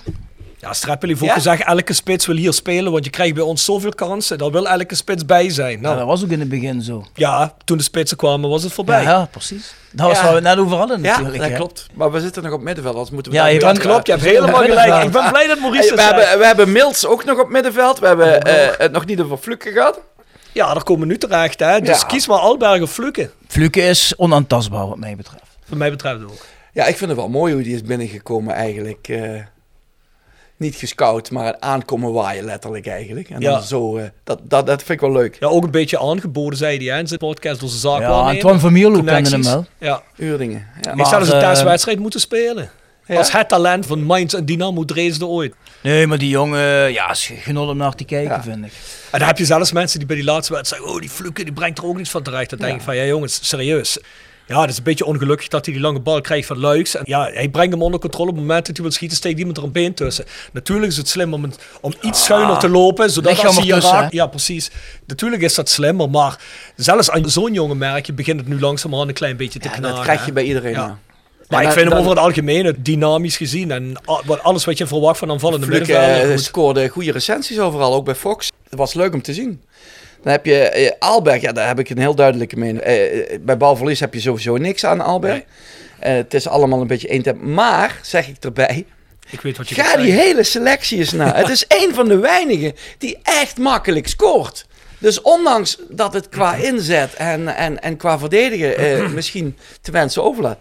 Ja, als je hem eruit haalt, haal je doelpunten eruit. Nou, Nou, je moet wel heel eerlijk zijn. Hè? Helft van zijn doelpuntenproductie zijn penalties. Dat is één ding. Ja, klopt. maar wat je gelijk in hebt, Alberg is een van de heel weinigen die een bal zo uit de lucht plukt, op goal schiet en dat hij hem erin prikt. Hè? Ja. Dat is wel iemand met de beste techniek en de beste schoottechniek. Ja. Daarom vind ik het wel bizar dat elke corner die Alberg neemt, niet boven borsthoogte komt.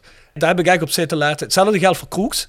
Als hij al op hoofdhoogte komen, dan is het een uitzondering. Als Fluke de corner neemt, ja, dan wil ik hier niet de, de Fluke fanclub vertegenwoordigen of zo. Maar dat zijn de betere corners. En dan denk ik van, ja jongens, met zo'n traptechniek zoals een Alberg heeft, hoe kun jij keer op keer die corners gewoon helemaal weggeven? Dat begrijp ik gewoon niet. Ja, Vind ik ja bizar. oké. Ja, En dan, Maar kijk- ik, ik vind van hem, ja, wa- wat ik van hem meer storend vind is, eh, als je bijvoorbeeld die wedstrijd tegen Den Bosch keek, stond hij de tweede helft ook even in de punt. Hij lag hij alleen maar op de grond. Alleen maar balverlies, vroeg hij iedere keer om een vrije trap, kreeg hem nooit, weet je wel. En ja, dat, dat, dat vertraagt het spel dan zo enorm, hè. Je komt niet in je Wat ik, wat, ritme. ik, wat ik vaak bij Roda zie om daarop in te haken is, of vaak bij Roda, bij de aanvallende spelers bij Roda heb ik nu een paar keer gezien.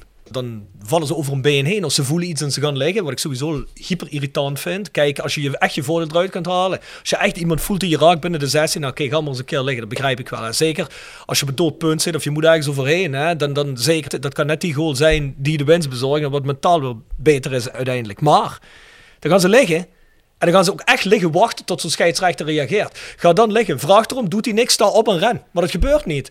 En dan heb ik zoiets van, ja jongens, heb je eigenlijk wel zin om te voetballen deze wedstrijd? Of wat ben je aan het doen? En ook eens die Albergs, die Schock en ook die Vossenbelt. Dus wat Maurice zegt, in balbezit van de tegenstander heb je niks aan ze. Dan ben je eigenlijk met tien mannen voetballen. Met die Vossenbelt, ja, die probeert het wel, maar die is gewoon niet snel genoeg meer. Alberg, het kan toch niet zo zijn dat je denkt dat je puur omdat je die uitzonderlijke techniek hebt en die gave hebt om een balletje uit de lucht te prikken en zoals tegen Ajax dan erin te poeieren of die andere goals die heeft gemaakt. Maar dan denk ik bij mezelf, dat kan toch niet het enige zijn? Het kan toch niet zo zijn dat jij niet meehelpt in de pressing? Het kan toch niet zijn dat, je meehelpt? Dat ga jij niet meer veranderen. Dat, Doe- dit type is, Gaat dit speler dan is nog die altijd geweest. Maar gaat dit dan nog wel? Zoals Streppel wil spelen? Nee, ja, dat is een goede vraag.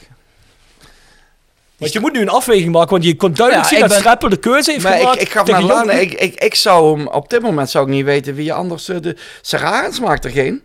Nee, maar, maar, ik- maar ik ben wel heel eerlijk, ik zou graag op de flanken gewoon Kroeks en Goppie zien. tuurlijk. Met die snelheid. Ja, En je kon ook zien dat Streppel heel duidelijk de keuze tegen Jong Utrecht heeft gemaakt om die lui eruit te halen die het allerlangzaamste en het futloosste waren. En heeft hij Vossenbel en Alberg eruit gehaald. Het was bij allebei zo desolaat en vooral het loopspel. Dat ja, echt serieus. Je hebt het gevoel dat naar een vierde klasse zat te kijken.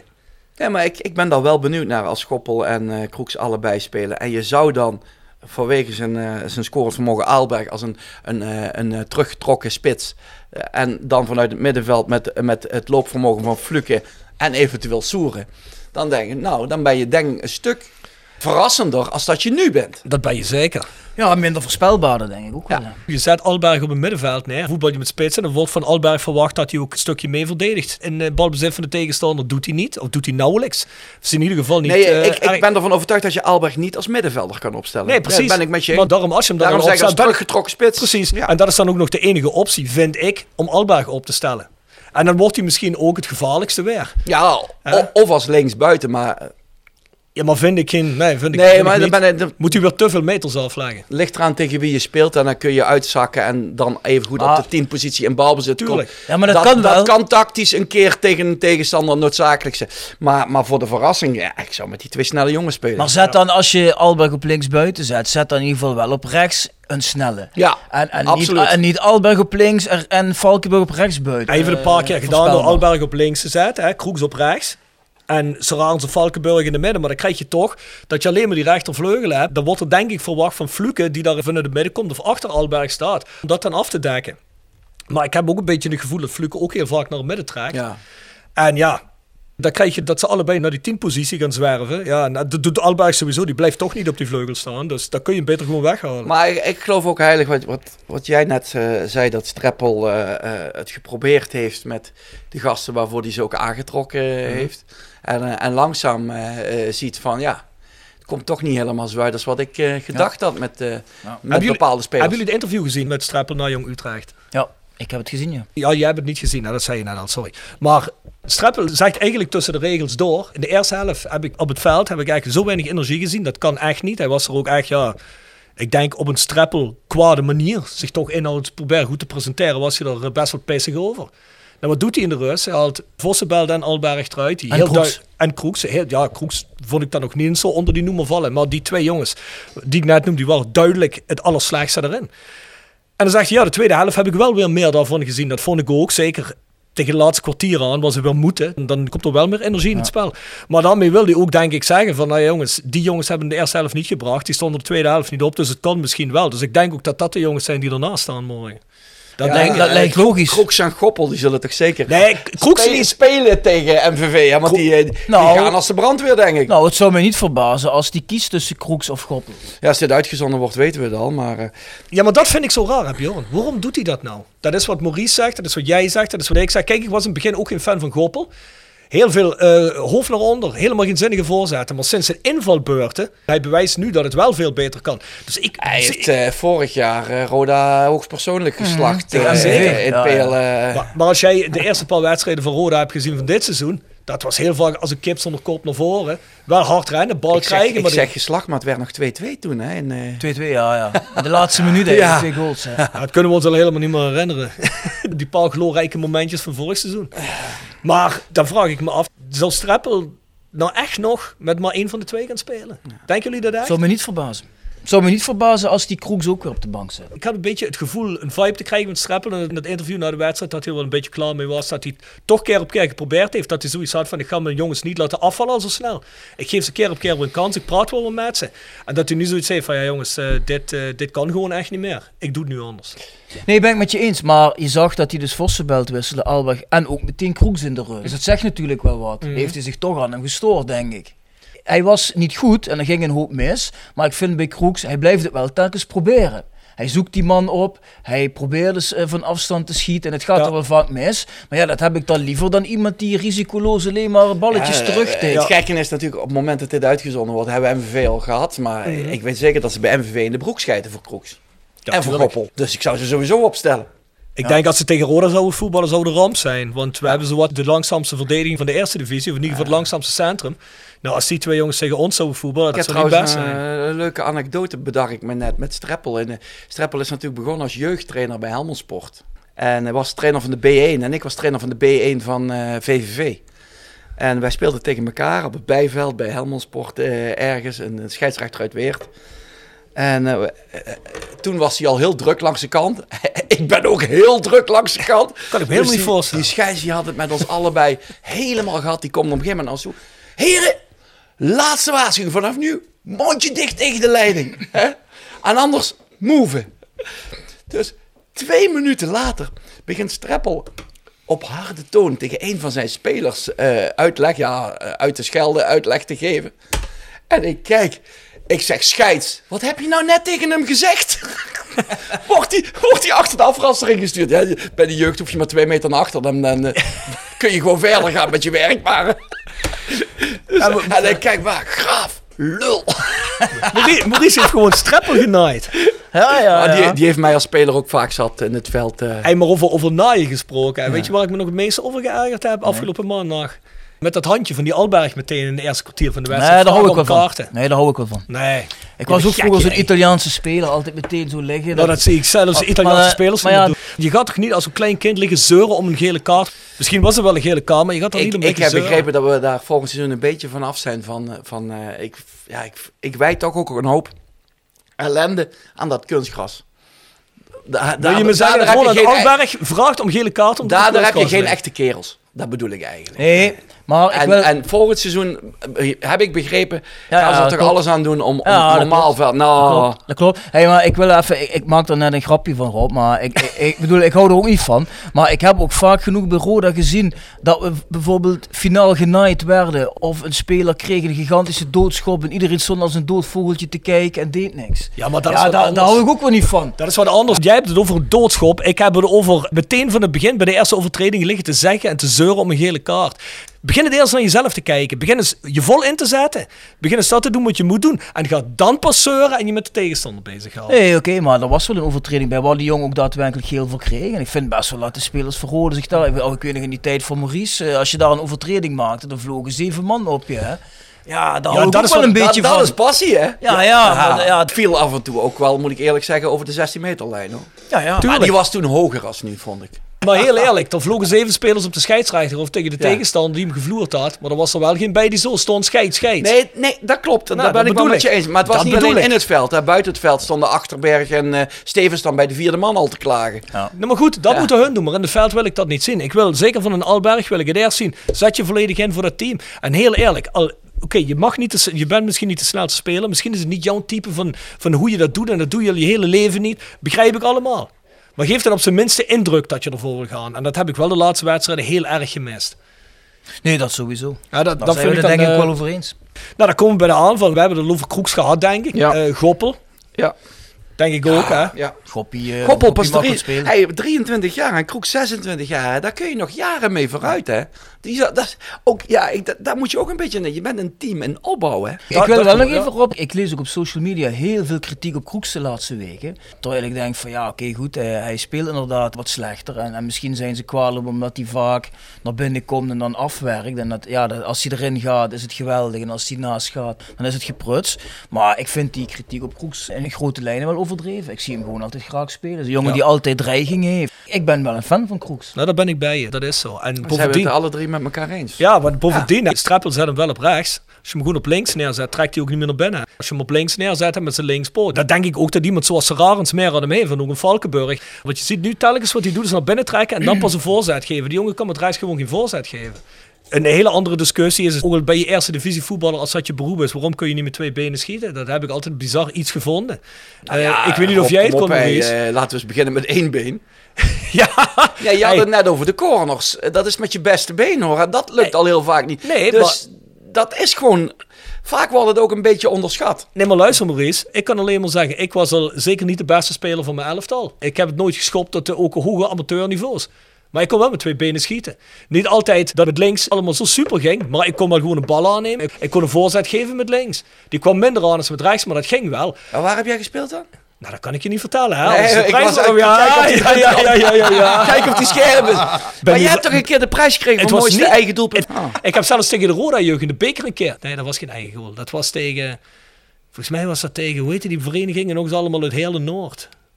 Nieuw Einde of zoiets was dat. Toen heb ik een keer een eigen goal Oh, dat is de jaren 80 Ja. geweest. Ja, ja. Maar goed, in ieder geval... Ik begrijp dat ook niet zo goed. Hij doet het nu op zijn Robbins. Probeert hij altijd naar binnen te trekken en Ja. te schieten. Dat gaat heel vaak niet goed. Dat is één keer goed gegaan. Ja, goed kun je proberen. Maar zou misschien ook niet eens een keer een mogelijkheid zijn... om gewoon die Kroeks gewoon op links te zetten... En Goppel op rechts, want volgens mij sorteer je dan het meeste effect van waar ze goed in zijn. Ja, ik zou dat wel toejuichen, ja. Verge- vergis, je, vergis je niet, het heeft natuurlijk nou ook met vertrouwen te maken. Hè. Ze hebben een, een zwakkere fase. En zeker zo'n zo'n Kroeks is volgens mij wel een hele gevoelige speler die, die echt vertrouwen nodig eh, heeft. Dus eh, ik, ik kan me wedstrijden herinneren eh, van begin van het seizoen, maar ook van vorig seizoen. Hij passeert zo makkelijk. hè. En dan eh, het gezicht naar de, naar, de, naar de goal. Als, je- als hij dat kan, dan is hij bijna niet te stoppen. Vind ik. Ja. Hij Dat moet meer hem- rendement hebben, dat Ja, vind ik. Maar vind jij dat je hem dan op rechts moet laten staan, zodat hij naar binnen kan trekken en met Misschien- links op die goal kan schieten? Ja, Robben, Robben geldt hetzelfde verhaal voor. Hè? Wat jij zegt, we hebben vaak het Nederlands zelf. Robben is wel een tikkie beter als hij. Ja, eh, een kleintje. Maar ook op een ander niveau natuurlijk. Nee, maar dan heb je een spits staan en, en dan, eh, eh, die verwacht ook een voorzet eh, in het Nederlands elftal. eh. En dan ko- dat is met Robben op rechts dat ook een stuk minder. Dat is een bewuste keuze. Dat bepaalt een, een, een trainer. Maar je kunt toch ook in een wedstrijd wel eens van kant, van, van flank Ik wisselen. vind Ja, dat Sararis tot nu toe, voor mij is dat, maar dat komt dat ik spits ben geweest. Voor mij is Sararis tot nu toe de grootste teleurstelling. Nou, ik vind dat met wat laten we daarvoor overstappen, want we hebben die twee vleugeljongens gehad. Bjorn, inhaken op wat Maurice zegt. Vind jij nou echt dat Serrarens tot nu toe echt zo in stelling is gebracht, een ballen krijgt waarvan je denkt van eh, dat zijn echt, eh, heeft een paar honderd procentjes gehad. Zo vaak dat je zegt, daar kun je op oordelen dat die jongen eh, het gewoon niet brengt. Nee, niet qua eh, kansen, want hij echt veel kansen heeft hij niet gekregen. Maar ja, ik vind hem met name tegenvallen in het eh, meevoetballen. Want hij is groot en sterk, maar hij leidt continu balverlies. Heeft hij al oorlog gemaakt? Ja, misschien op de verkeerde manier. Hij heeft wel al een paar keer geel gepakt. Jij moet er voorop lopen in de strijd bij een team als Roda. Als je daar met, met die vleugelspelers in de, in de punt staat, dan, dan, dan, moet, dan moet er oorlog Ja, maar eh, zeg eens, eh, Nee, maar de- omschrijf eens heel even oorlog, Maurice. Bedoel jij oorlog zonder dat er een bal in de buurt is? Of eh, bedoel je oorlog nee, als nee, er een bal naar binnen gegeven wordt? Eh, Dat betekent, oorlog betekent mij dat je, dat je constant je tegenstander bezighoudt. eh eh, dat je eh, eh, rent, gaten trekt. Dat je duels eh, uitvecht. Dat je die bal probeert vast te houden. En Ja, dat, moeilijk. dat is oorlog. Nee, dat heb En- ik nog niet gezien. Daar, Maar- hoef, daar, hoef je, daar hoef je geen goede wedstrijd voor te spelen om oorlog te kunnen maken. maar, maar tegenstander moet de hele wedstrijd. Jou eh, in de VVV heeft nou zo. Ja, eh, hele- spits. ja, maar die, die, die is 90 minuten oorlog aan het maken. En beweging, die geeft die tegenstander nooit rust. Ja, die blijft vervelend voor de, voor de, voor de tegenpartij. Ja, Zo'n spits heb je nodig als je twee eh, snelle buitenspelers eh, zou hebben. Maar ik ben nog niet op het punt dat ik bereid ben om Serrarens op te geven. Nee, ik ook Ik heb niet. nog altijd het idee, die jongen kan uitgroeien tot een prima spits voor Roda. Nu in de laatste 20, 25 minuten, nu van tegen Jong Utrecht, wordt hij toch een paar keer veel beter in stelling gebracht. Oké, heeft hij pech, schiet hij één keer op de paal en schiet was hij een één keer rakelings langs. Ah, ja, ja. En ik bedoel, als daar één van ingaat, dan heb je twee kansjes die je krijgt in die wedstrijd, heb je er één gemaakt. Nou heeft hij ze natuurlijk niet gemaakt en zeggen mensen, ja, heeft ze niet gemaakt, dat is net het probleem. Maar ik, ik zie daar wel, als je hem in stelling brengt, zie ik wel dat hij steeds dichterbij komt om een goal te maken op een moment. En ik, ik wil hem ook daarom ook niet opgeven. Nee. Nee, ik, ja, dat, dat hij meer oorlog kan maken, ben ik het mee eens. Nee, ik heb gewoon altijd die Serrans van de Graafschap eh, op mijn netvlies. En die was daar populair, nu nog steeds, bij die jongens. Ja goed, dan zul je, zul je toch veel meer moeten kunnen dan, eh, dan dat hij nu heeft laten zien. Want anders word je dan niet zo populair Ja, natuurlijk. luister, Maurice is ook nog altijd populair bij Roda. Als we Oh, die ja. nu in de spits zetten, weet ik ook niet of die... Of Nou, maak je meer goals, Als denk ik je, nou in de spits sta, dan ben ik precies drie minuten populair nog. Nee, maar Ja, ja, ja. ik zag vorige week zag ik weer ergens online die, dat doelpunt van Maurice tegenkomen. Die eerste wat hij voor Roda maakte tegen Twente thuis. hè. Ja. Die, eh, die kopbal. Dat zag ik weer ergens voorbij komen. Voorzet van Baba. Ah, er zitten toch mooie beelden. hè? Ja, dat was hele voor mij wel de mooie belangrijkste goal eh, toen. Want ik eh, had geen bal geraakt de hele voorbereiding. Ik zat de eerste wedstrijd reserve, kwam er als invaller in. Met Babagida samen. En die, gaat, die maakt die actie, zet die bal van. En ik maak toen die goal. Toen ben Ja. ik- vanaf dat moment was ik vast eh basisspeler. Was je Maar Maurice is er dan met relatie tot wat nu met Serarens is. Hè? Want we zeggen wel vaker, nou, die moet misschien een goal maken en dan komt hij los. Is Ja. dat ook iets wat met een spits ook daadwerkelijk zo is? Heb je is- dat ook ervaren? Ja, maar dat is absoluut. En dat geldt voor Sararis ongetwijfeld ook. Die moet, eh, die moet gewoon voor je eigen gevoel eh, dat, dat doelpuntje meepikken. En dan... eh, Gewoon dan zodat je los. weet, oké, ik kan het nog. Ja, maar kijk, je moet wel even goed voor je, voor je team proberen van waarde te zijn. En dat, ja, ik vind dat hij te weinig waarde heeft. Ja, ja, daar ben ik het met je eens. En, eh, maar Ja, nogmaals, een doelpunt kan veel veranderen. Een paar doelpuntjes. Zeker als spits. Erik Valkenburg. Ja, die heeft eh, volgens mij heel veel clubs gehad, hè? En Ja. is, is, Er zijn er wel een paar, ja. ja, is, Ja, ik moet eerlijk gezegd zeggen, toen ze hem haalden, het klinkt allemaal goed. Ja. Maar ik vond hem... ja, maar Valkenburg, ik, ik vind hem nooit voor een 7 of een 8 voetballen. En ook nooit voor een 4. Ik vind het altijd 5, 6. Maar ik vind hem nu meer tegen de vijf aanzitten, constant, dan wat anders. En toen hij kwam, had ik ook zoiets van, ja, die is misschien toch wel heel erg over zijn top heen nu. Ik weet het niet, maar hoe oud is hij nu? 32. 32 is die. 32. Nou ja, dan moet je er nog wel een balletje Ja, ik, Ja, ik ik heb vind wel heel weinig dreiging van hem uit, Ja. moet ik zeggen.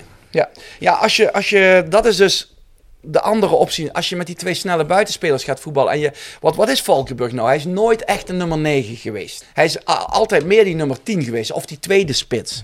Dus als je met die twee snelle jongens aan de buitenkant zou kun je Valkenburg ook op die plaats zetten. Mhm. Dus van hangende de spits. Dat zou die wel kunnen Iemand die er uitvoeren. een beetje meer omheen Ja. draait, hè? Maar ja, ook hij... Ik, ik dacht, al, die scoort makkelijk. Maar bij Roda scoort hij niet makkelijk nog. Eentje heeft hij erin liggen tegen Ja. Telstar, hè? Ja, Maar ook als je zo zou gaan spelen, hè, zeg je gaat met Goppel spelen, je gaat met Kroek spelen, eh, je gaat dan of eh, met Alberg of misschien met Serarens voorin spelen. Hè. Stel dat je zo start en dan ga je ervoor kiezen om Valkenburg eromheen te laten draaien. Om Ja, dan, Serarens heb je heen. te veel, dan ben je te aanvallend al, vind ik. Nou, ja, weet ik ja, het Fluk is ook eh, aanvallend, vind ik. Tel ik ook mee.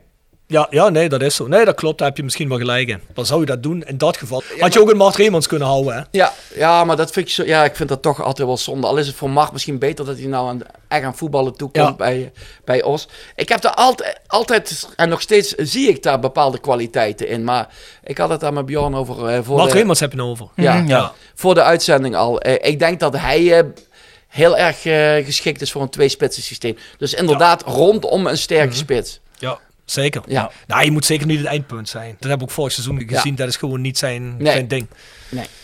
Ik denk in ieder geval dat Valkenburg nog wel zijn doelpuntjes gaat meepikken dit seizoen. Ja, luister, ik denk dat iedereen wat meer zijn doelpuntjes gaat meepikken. Dat geldt voor Fluke, voor Alberg, dat geldt voor Kroeks, dat geldt voor iedereen er voorin als het weer een beetje gaat lopen. Ja. En ik denk toch dat het grootste probleem op dit moment is, maar ja, dat geven we alle drie al aan, dat het waarschijnlijk echt een mentaal probleem op het moment is. We staan maar één plek en één punt hoger of twee punten hoger als we vorig seizoen stonden rond deze Wij tijd. staan nou dertiende hè, op, op het moment dat we nu spreken voor MVV. Ja, dertiende? Dertiende. Hm, dat is niet zo best. Nee, zeker Maar niet. best. Nee, en onder ons staat er eh, eentje die heeft eh, een wedstrijd minder gespeeld. En één punt achter. Er zijn er wel eentje vergeten. Valt me nou net in. Daar wil ik eens van weten of die niet eens wat vaker moet gaan spelen. Benji Bouchouari. Ja, heel erg gedreven als je erin komt. Verzet, veel loopwerk. Dus dat is wat Maurice zegt. Hij is wel bezig met het team. Hij werkt voor het team. Oké, de laatste 10 minuten die die telkens invallen, of het laatste kwartier, ja, er gebeurt niet veel. Maar we hebben in de aanloop van het seizoen, in de oefenwedstrijden, hebben we wel eh, wat van hem gezien waarvan we zeiden van nou, die jongen die maakt toch wel een kans om wat wedstrijdjes te spelen dit seizoen. Ik ken hem niet. Ja, ik ken hem van naam en ik weet dat hij in, maar ik, ik, ik heb geen beeld van Ja. hem nog. Heel handig klein dribbelaartje, zeg maar. Maar ja, hij is ook een meer aanvallende middenvelder toch? Ja. Dus dan moet je al weer de keuze gaan maken. Heb je een Alberg en een Fluke erin staan? Ik heb meer het gevoel dat die stand-in is eh, misschien voor Fluke denk, positie. ja, het zou kunnen. Ik denk wel dat hij ook wat meer eh, als spelverdeler kan spelen of iets meer terug. Maar dan, dan moet je inderdaad al wel weer een eh, jongen naast zetten die ballen kan afpakken. Want anders is het wel weer verdedigend heel minnetjes, Ja. denk ik. Ja, en ik vraag me toch af, het vorig seizoen was het grote probleem. We hadden niemand die leiding kon geven. We hadden niemand die een beetje jongens aan de hand kon pakken. Ja, oké, dan breekt op een moment ook een beetje aan dat echt dat iemand het hele team in het nekveld pakt en zegt zo jongens, eh, en eh, nu gaan we het zo doen. Maar zelfs al haal je een Vossenbelt eruit en een Alberg eruit, heb je toch nog genoeg jongens erin staan die ook wat ouder zijn. Het begint achterin met een Luiks. Dan kun je toch ook wel eens een paar van die jonkies erin gooien om te kijken hoe die het doen. En of die nu onder leiding van een Kees Luiks, als ze zich nu een beetje bij elkaar raapt en toch een beetje meer leiding geven, of, of dat Ja. dan functioneert. Ja, maar ik, ik denk precies, ik denk dat het Streppel ook tegengevallen is wat eh, Mhm. de nieuwe jongens eh, brengen. En Ze brengen in ieder geval nog niet waarvoor ze gehaald zijn. En ja, die zijn, wat wij nou even doen voor die podcast. Streppel is 24 uur per dag bezig in zijn hoofd. Wat, denk is het, wat is het beste voor het team? Hoe krijg ik het maximaal? Hoe krijg ik dat schwung? En hoe, hoe krijg ik dat ze wel dat gras opvreten? En dan denk ik dat iedere trainer dat wel is. Maar geloof me, eh, Streppel is zo'n, eh, ja, hier zeggen we, neet, neetnek. Zo'n zo'n eh, mentaal, iemand die het echt van de mentaliteit altijd heeft moeten hebben. En als trainer ook. Gewoon, ja, ik, ik heb, eh, ik heb hem heel hoog zitten. Hij mij waarschijnlijk een stuk minder eh, na, na Helmond B1. Maar nee, ik denk dat, een, eh, dat Roda met Streppel een goede trainer in huis heeft gehaald. Maar nu wil ik weten, Maurice, we hebben nu een uur en een kwartier hebben we onze frustraties kunnen uiten. Ja. Maar we willen natuurlijk geen negatieve podcast zijn. En we moeten het ook een beetje we positief houden. We gaan opnieuw beginnen. Maar waarom, Maurice, gaan we toch die play-offs halen dit seizoen? Ja, dat sluit ik aan bij wat ik net zei. Omdat ik denk dat Streppel een goede trainer is. Die eh, eh, jongens nou een kans heeft gegeven. En die nou de, de, de, de, zijn conclusies trekt. En het mentale gedeelte even voorrang laat, eh, laat gaan op het voetbalgedeelte. Ik denk dat hij van tot nou toe uit is gegaan van een voetbalvisie, voetbalgedeelte. En die nou zoiets heeft van, ja, dat werkt niet. Moet, mentaal moet er iets gebeuren in dat elftal. Nou, en als je straks aan het voetballen bent, dan kun je er weer eh, andere dingen gaan, eh, gaan Maar je denkt dus wel... wij, wij, gaan, wij gaan die play-offs halen, klaar. Oké, maar we, we- we vinden dus wel nog altijd dat ondanks deze reeks, wat we nu zien, dat de selectie aan zich goed genoeg moet zijn om de play-offs te kunnen. Ja, maar is dat niet een beetje de frustratie die, die jullie en ik ook hebben? Je hebt een, een betere kwaliteit selectie, veel beter dan vorig jaar. Maar je presteert niet naar de mogelijkheden. Nou, vorig jaar had je zoiets, ja, maar ja, is logisch. Kijk eens wat op het veld staat. Even Ja. heel, heel zwart-wit. Ja, maar dat is de vraag. Want er zijn nu ook mensen die zeggen dat je speelt niet naar de mogelijkheden. is onzin, want dit is gewoon de maximale mogelijkheid. Wat ze nu laten zien, dat is gewoon het maximale wat erin zit. Nee, want we hebben begin van het seizoen toch al eh, een rode JC gezien. Wat, wat heel leuk speelde, een aantal wedstrijden. Ja. Wat, wat, wat heel gevarieerd speelde. Wat, ja, wat je zelf net zei, dat, daar was geen pijl op te trekken waar het nou weer ging. En ik heb het idee van, oké, ze zijn nou met die nieuwe spelers, dat is wennen. Ze zijn die vastigheden aan het, aan het trainen. Maar misschien zijn die vastigheden ook juist voor de tegenstander ideaal om zich op vast te pinnen. Nou, dat maar- het niet meer verrassend genoeg is. Nou, luister. Ik heb volste vertrouwen in, in Strappel. Die vindt wel een manier. Daar ben ik van overtuigd. En als het niet zo is, dan is het de andere kant om. En je moet ook nooit vergeten, en dat is ook altijd eigenlijk wat ik zelf altijd ook in mijn frustratie probeer te onthouden. Maar dan komen we weer terug op helemaal het begin. We zijn toch een club met veel traditie. We leven nog altijd gedeeltelijk mentaal, al weten we dat het niet de juiste gedachtegang is. We leven nog altijd een klein beetje eind jaren 80, jaren 90, begin eeuwwisseling. Wij zijn dat Roda. Ja. Dus wat doen wij eigenlijk hier? Het is alsof we nog allemaal wakker moeten worden in een of andere nachtmerrie. En we worden zo wel wakker. Dat komt Maar. Rob, dat gaat niet veranderen, Nee, dat precies. gevoel. Nee, dat, dat weet ik. Maar daardoor is het wel dat wij nu niet gewoon hier zitten en zeggen van... Geef die Jurgen Streppel... Ja, wij zeggen dat wel, maar waarom de meeste mensen niet zeggen... Geef die Jurgen Streppel nou eens gewoon de kans van, Van Assen. Ja. Dat is een goede trainer, die hebben een goede visie. Laat ze nou eens kijken. De eerste elf wedstrijden is het niet zo gegaan zoals ze wilden. Nou, die Streppel... Daar hebben zo'n hoge pet van op. En die heeft zoveel visie, die heeft zoveel kennis. Die vindt wel een andere manier. Ja. Want laten we heel eerlijk zijn, en daar heb ik het wel over een heel ander level. Maar toen die Jurgen Klopp bij Liverpool binnenkwam, dat is ook inmiddels vier, vijf jaar geleden. Die eerste twee, drie jaar, dat was ook niet op niveau waar Liverpool het wilde hebben. Want dat is een club die wilde De Premier League winnen. De Champions League winnen. Dat gebeurde naar de hand ook pas. Maar ik wil er alleen maar mee zeggen, Klopp heeft ook voor zo'n team samen te stellen. Er zijn ook heel veel jongens doorgeselecteerd. Op een gegeven moment, zij spelen jongens langer samen en klikt het. Dat moet je bij Roda op ons niveau ook krijgen een Ja, maar luister nou, luister nou. Ik weet 100% zeker, als Jurgen Klopp trainer van Roda zou worden volgende maand, dat er mensen bij Roda op social media over vier maanden zouden zeggen, Klopp Roos. Ja, nee, natuurlijk. Dat weet ik nee, natuurlijk. Nee, maar natuurlijk. Je, je, maar noemt- ik- je noemt net wel, ik vind het wel een mooi voorbeeld, want dat is natuurlijk de, de taak van Streppel ook doorselecteren. Ja. Alleen eh, dan denk je dus met de eerste nieuwe lichting die ze binnengehaald hebben, eh, van oké, je maakt nou die eerste stap en dat is dan heel veelbelovend en dat valt dan nou tegen. Doordat we dat goede al gezien hebben, valt het nou des te meer tegen. Ja. Tuurlijk. En, en dat is waar je dan mee moet dealen. Buiten dat bij Rode JC de verwachtingen altijd veel hoger zijn dan bij de rest Ja, van de Maurice, van de weet je wat het is? Al hadden we die eerste vier wedstrijden niet gehad. Die verwachting was er ook geweest. Ja. Dat, dat alleen die verwachting. Ja, maar Nu je werd- weet, je weet die- nu dat het kan. Ja, nu werd die verwachting een beetje vervuld. En er werd antwoord op Ja. gegeven, positief antwoord. Dus je had zoiets van, oké, dit is het. Ja, maar dat moet die spelers ook toch wel vleugels geven. Dat je ziet van eh, hoe het leeft op het moment dat het een paar wedstrijden goed gaat. Ja, alleen het probleem is, hè, en dat geloof ik ook dat echt meetelt. Die spelers hebben dat in die eerste wedstrijd ook heel erg gemerkt door de feedback van, die ze inderdaad van het publiek kregen. Die hebben gezien, oh fuck, weet je wel, zelfs met 4000 man in het stadion is best lekker sfeertje hier.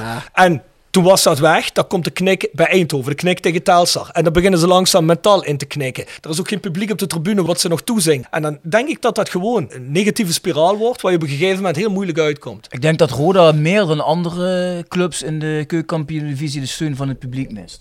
Op dit moment. En omdat het een team in opbouw is, het een heel nieuw team. Die kunnen het team wel over de streep helpen. Ik denk dat we dan maar- tegen een Den Bosch of een Telstar, Nou, dat we nou dan ben- wel die overwinning over nou de ben ik heel flauw. Zeker met dat stukje mentaliteit wat je mist in die groep, heb je dat publiek dubbel zo hard nodig. Mm. Mm. Om dat vuur eruit te krijgen bij die jongens. Nou, je bent niet flauw, je analyseert dat vol- volgens Ja, mij tuurlijk. volledig En, correct. da- en daarom hebben we ook verloren van Fortuna in de beker, omdat zij wel gewend zijn zonder publiek te spelen. En dat al seizoenen lang. Die is echt slecht. Dat was een goede dad joke. Dat. Nee, Maurice even te denken. Ja, Maurice Ja, is aan het nee, denken- weet je, Maurice ik is wa- aan het ik- denken, ik- zijn ze in de eredivisie nou? Of zijn we in de eerste divisie? Kijk, ik was aan het denken, Fortuna zit in een hoek waar de klappen vallen in de eredivisie. En die hadden zoiets, die moeten daarna naar Rode JC.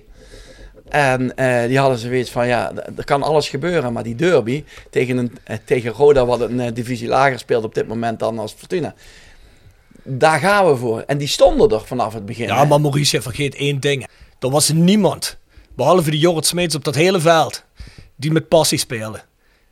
En het doet me pijn om te zeggen, maar dat is de enige jongen die het begreep. Bij Fortuna is een vreemdelingenlegioen. Bij Roda is niet zozeer een vreemdelingenlegioen uit elke windstreek. Het zijn allemaal wel hoofdzakelijk Nederlanders. Maar ga jij maar eens, nou noem pakweg iets, Cambuur Heerenveen spelen als jongen uit Neer. Je zult dat nooit zo voelen als iemand vandaag. Nee. Jij voelt dat en dan ben je nog van een generatie die zegt... Ja, maar ik weet wel dat er vol gas op moet. En dan verplaats je in iemand die nu 23 jaar is. Ik, ik, vond En je komt dat de Fortuna, buurt. en ik zie Fortuna ook heel vaak voetballen, die wedstrijd heel anders eh, eh, begon dan de meeste wedstrijden in de Eredivisie. Ja, ze worden wel heel erg in het zadel Ja, maar die wedstrijd was er na 12 minuten voorbij. Doordat je zo Ja, begint. ja, ja, ja, tuurlijk. Dat was zo. Nou ja, goed. Luister, staat Kees Luiks in het midden. En is Kees Luiks natuurlijk ook... het is ook geen Virgil van Dijk. Maar staat Kees Luiks in het midden, valt die eerste goal niet. 100%. Dat is gewoon een extreme dekkingsfout. Ja, en die En tweede dan word je niet zo in het zadel geholpen. De tweede ook niet. Tweede Word je, dan word je niet in zo'n zadel geholpen. En dat wil ik nog wel eens zien. Of het inderdaad zo loopt. Maar dat is een heel ander verhaal. Maar je zag ook niet dat Fortuna dat echt... Vond jij nou echt dat dat een derby... Nou, die Nee, twee, ja, nou, die 2-0 zonder, niet meer. publiek krijg je dat Nee, maar op het veld- nee, maar maar, op het veld maar had op je- het veld... w- Hoeveel Limburgers stonden er in het veld? Ja, maar dat is wat ik net zei. dat heb ik altijd. Ja, dat, dat ben ik helemaal met je eens. eh. Ik bedoel, wat je wel kunt verwachten van die jongens is inzet. Dat moet je altijd verwachten. Maar als mensen komen, ja, de passie, dit is voor je club. Ja, serieus. Als jij drie maanden bij die club zit, Maurice Graaf, dan ben je naar nek gegaan.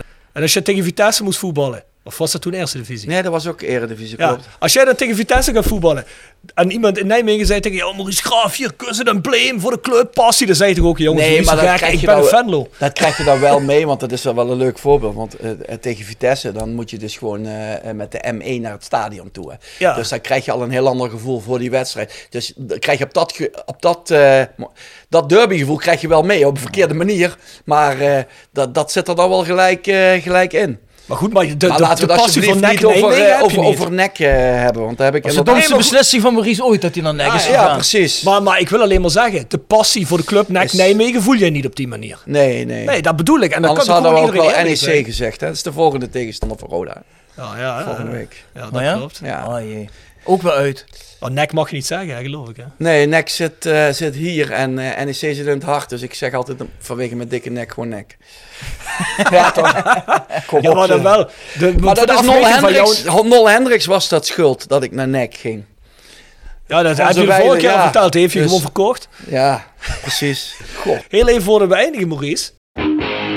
The Sound of Calhei. Gepresenteerd door www.gsrmusic.com.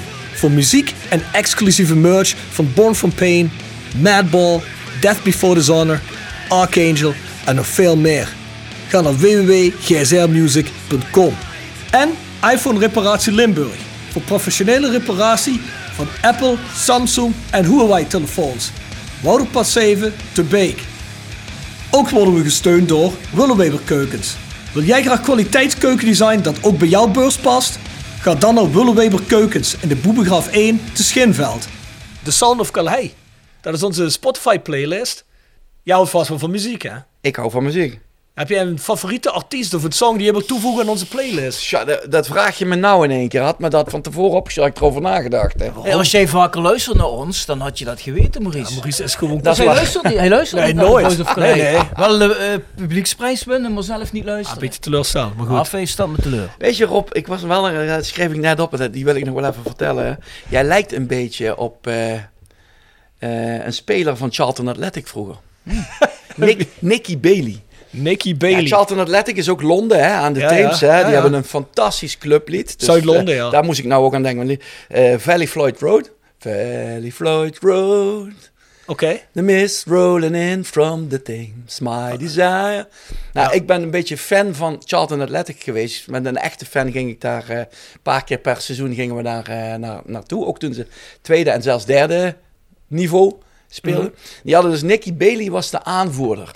En dan die wedstrijd dat ik daar was, wat kwam die terug van blessure, viel die in. En toen gingen 20.000 man gingen zingen. Oh Nicky Bailey, you're the love of my life. Oh Nicky Bailey, I let you check my wife. Oh Nicky Bailey. I want ginger hair too. 20.000 man. En ik zeg eerst tegen wat die. Ik zeg, wat zingen ze, wat zingen ze? Dus die vertelde, weet je, oh ja, uit volle borst meegezongen. Is toch geweldig, man? Ja, ja. En die maar die, hem maar die, die, die was net zo eh, knap als jij.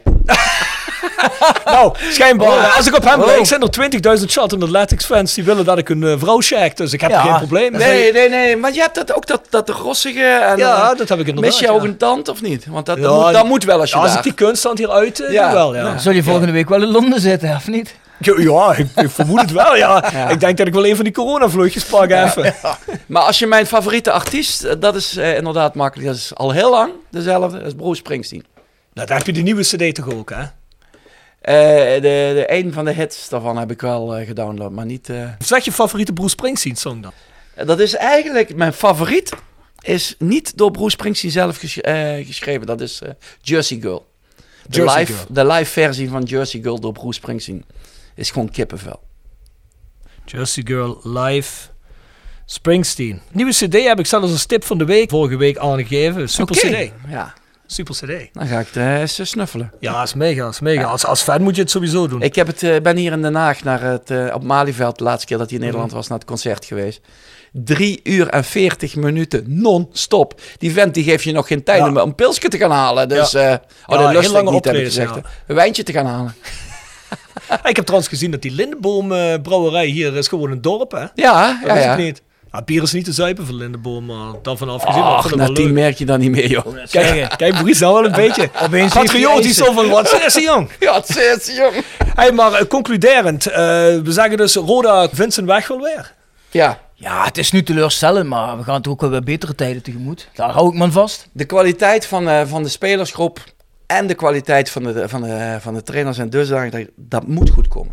Ik was een podcast aan het luisteren van Jamie Carragher. Die kennen jullie wel, hè? Liverpool. Liverpool legende, hè? En die heeft een podcast en die heet iets met de best match ever of my favorite match of zoiets. En dan interviewt hij altijd mensen die dan eh, ook op het laatste zeggen de beste voetbalwedstrijd die ze ooit gezien hebben, waar ze zelf in hebben gezeten. Die heeft best wel altijd corifeeën, maar die had vandaag een cricket ster. Dat is in Engeland natuurlijk groot, hè? hier wat minder uiteraard. Maar die gast die, eh, die was dus aan het vertellen over hoe hun ook met oudspelers omgingen en hoe hun ook met pundits noemen ze dat. Hè? Dus commentators, ook wat jij doet, hè, Maurice. eh, Analisten. omgaan.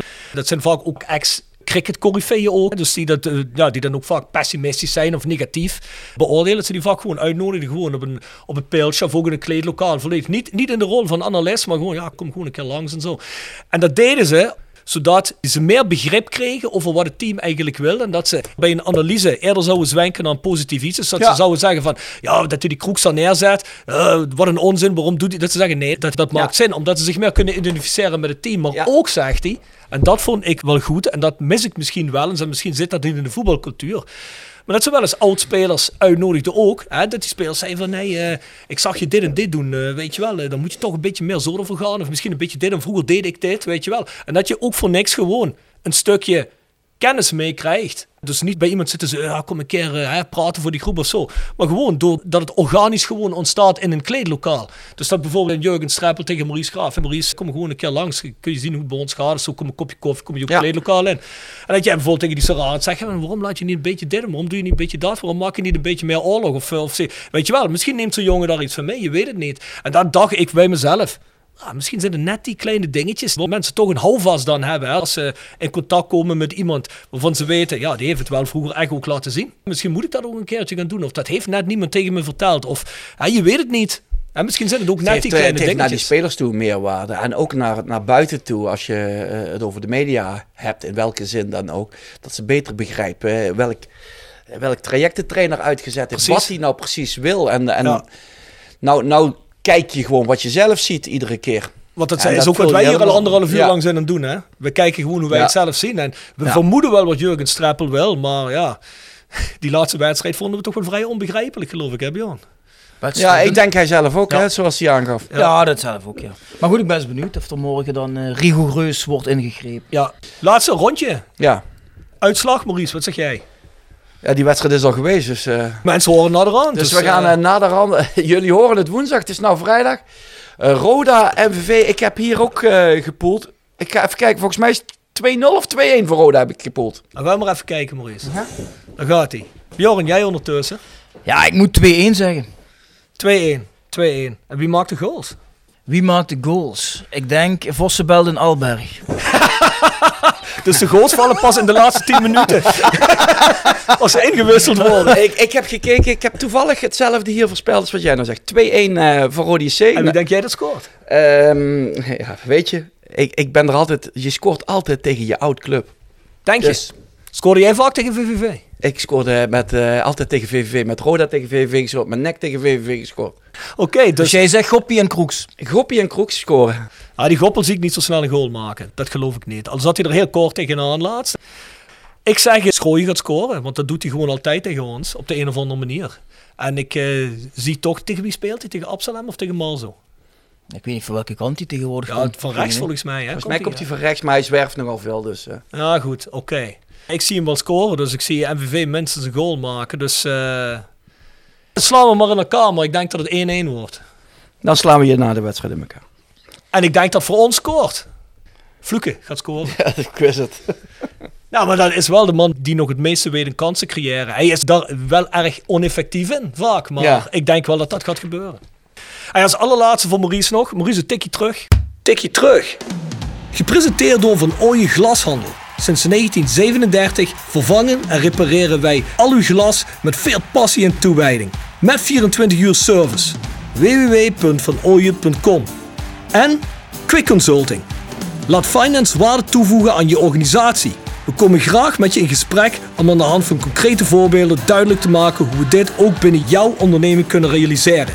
Think win-win, think quick. www.quickconsulting.nl Tevens gesteund door Roda Arctic Front.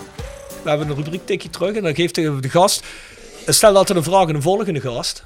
En we hebben ook eigenlijk dat een gast dat dan weer zou doen In dit geval voor jou, maar omdat we dit redelijk last minute beslist hebben vorige week, dat we dat toch wel samen met jou willen doen, eh, hebben we er niemand voor. Maar jij mag er wel in stellen. En wat hebben we in de volgende gasten zitten? Eh, dingen hebben we ook eh, vastgelegd. Art van Peppen bijvoorbeeld. Af van Peppen, maar we hebben ook de burgemeester van De Kerkrade. burgemeester van Petra Kerkrade. Dassen. Dus kies maar Die uit, Af van. Peppen of Petra Dassen. Nee, dan ga ik absoluut Petra Das eh, doen. Nou, zeg het maar. Ik ken het altijd trouwens. Art vind ik een geweldige kerel. Ja, maar wie wil je? Wie wil je? Nee, eh. Petra. Ik heb Petra Das eh, vanuit mijn achtergrond hier als met kerngezond leefstijl. In, de, in de vorige gemeente waar ze burgemeester was, Bezel. Oh, dat is hier in de buurt, hè? Ja, dat vond ik zo leuk. Zij was altijd voor gezonde leefstijl. Sterker nog, eh, toen ze burgemeester was, stond ze bij de vereniging waar haar eh, kinderen sporten. Dat was de voetbalclub Bieslo in Bezel. De, draaide zij zelf gewoon kantinedienst. Eh, Dat is toch mooi? De burgemeester draait kantinedienst. Ja, moet normaal zijn eigenlijk, maar ik vind dat wel, eh, wel geweldig. Een, een heel mooi mens, Petra Dassen. Eh, Roda-fan, zegt ze. Dat klopt toch? hè? Ja. Ja, ja. ja, die begon tegen mij altijd over Roda. Inderdaad. Goed. Ja, nee, dat, dat klopt. Nou, stel maar je vraag, Maurice. Petra, weet jij wat buitenspel is? Nou, ik hoop dat wel dat Petra het weet, want anders, anders dan eh, krijg je... Zit Petra met de van tanden dadelijk bij ons in de podcast. Ik hoorde dat Marco van Hoogdalem ook altijd jullie podcast luistert. Hè? dat dan wil ik toch nog even... Wij zaten een keer voor de wedstrijd Roda JC Ajax. Zaten we in een kleedlokaal, bespreking. Ja, ik, ik ben nooit een man van besprekingen geweest. We hadden er meer in het team. Dus ik was wat naar de grond aan het staren. En ik zit in het kleedlokaal altijd langs Marco van Hoogdalem. Dus op een gegeven moment, ik kijk naar de grond, ik kijk naar links. Ik zie zijn sokken, heeft hij Ajax sokken onder zijn pak. Een kostuum. Ik denk, wat is dit? Dus ik begin keihard te lachen. Stevens, godverdomme graaf, wat is er nou? Wat, wat- wat denk jij wel niet? Ik zeg, kijk die sokjes van Van Hoogdalen. Dus ik trok die broek zo omhoog. Iedereen in een deuk. Maar Waarom had hij die aan dan in godsnaam?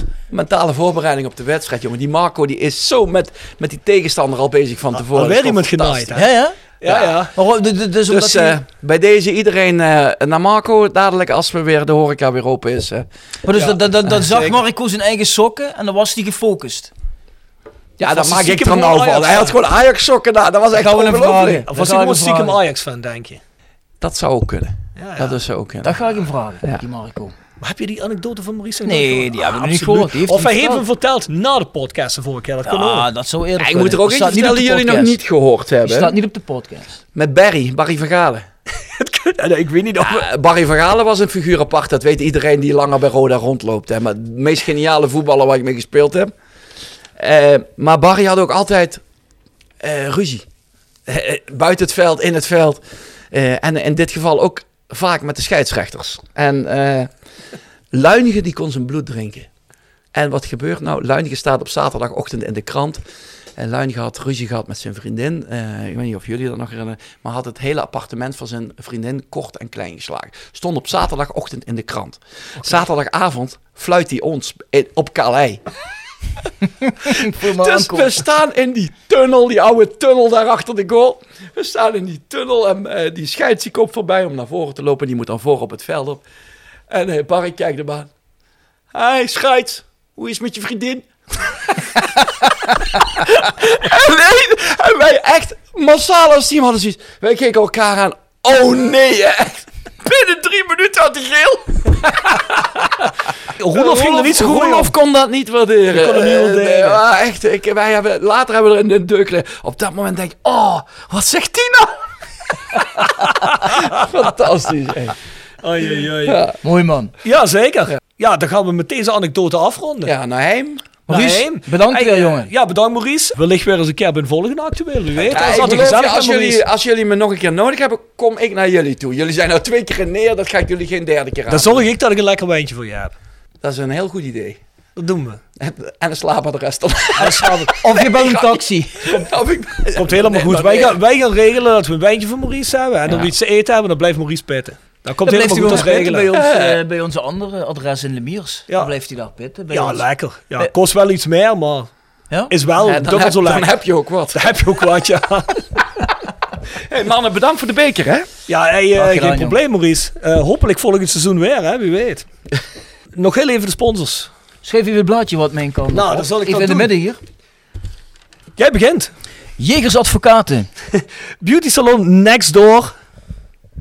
Ja, dat is niet alles. Moet je wel afmaken, hè? Ja, dat, dat, gaan we salon. opnieuw, dat gaan we opnieuw doen. Ik zeg Jongen, Jegers, jongen, jongen. Jegers Advocaten. Next door Kapsalon, Nagel en Beauty Salon. Hotelrestaurant de Veilerhof. Herberg de Bernardeshoeve. Noordwand. www.gsrmusic.com. Stok Grondverzet. Rapi Autodemontage. Van Ooyen Glashandel. Quick Consulting. iPhone Reparatie Limburg. Willeweber Keukens. Financieel Fit Consultant. Wiertz Personeelsdiensten. Fandom Merchandising. Sky Art Picks. En natuurlijk Roda Arctic Front. Roda fans uit Scandinavië. Scandinavië. Hebben jullie opmerkingen, vragen? Schrijf naar de Voice of Calais at south16.com. Iets wat ik vergeten heb net te vernoemen, wat wel belangrijk is. Inmiddels is Roda 1962 online. Roda 1962 is een organisatie, daar hebben jullie alles van gehoord op de podcast die afgelopen zaterdag uitgekomen is. Sluit je aan, want het wordt een orgaan, of dat is al een orgaan, waarmee we vanaf duizend mensen een veto-recht krijgen over alles wat fusies aangaat, naamsveranderingen, Clubkleuren. clubkleur, wat ook maar allemaal in een gouden aandeel opgesloten is. We krijgen geen gouden aandeel, maar we krijgen wel uiteindelijk vetorecht over wat met die zaken gebeurt die daarin omschreven staan. Dus kortom, het is eindelijk een initiatief waardoor we als fans inspraak krijgen bij de club. Dus sluit je daar aan. Nou, Bedankt voor het luisteren. bedankt voor het luisteren en tot volgende keer. Hoi hoor.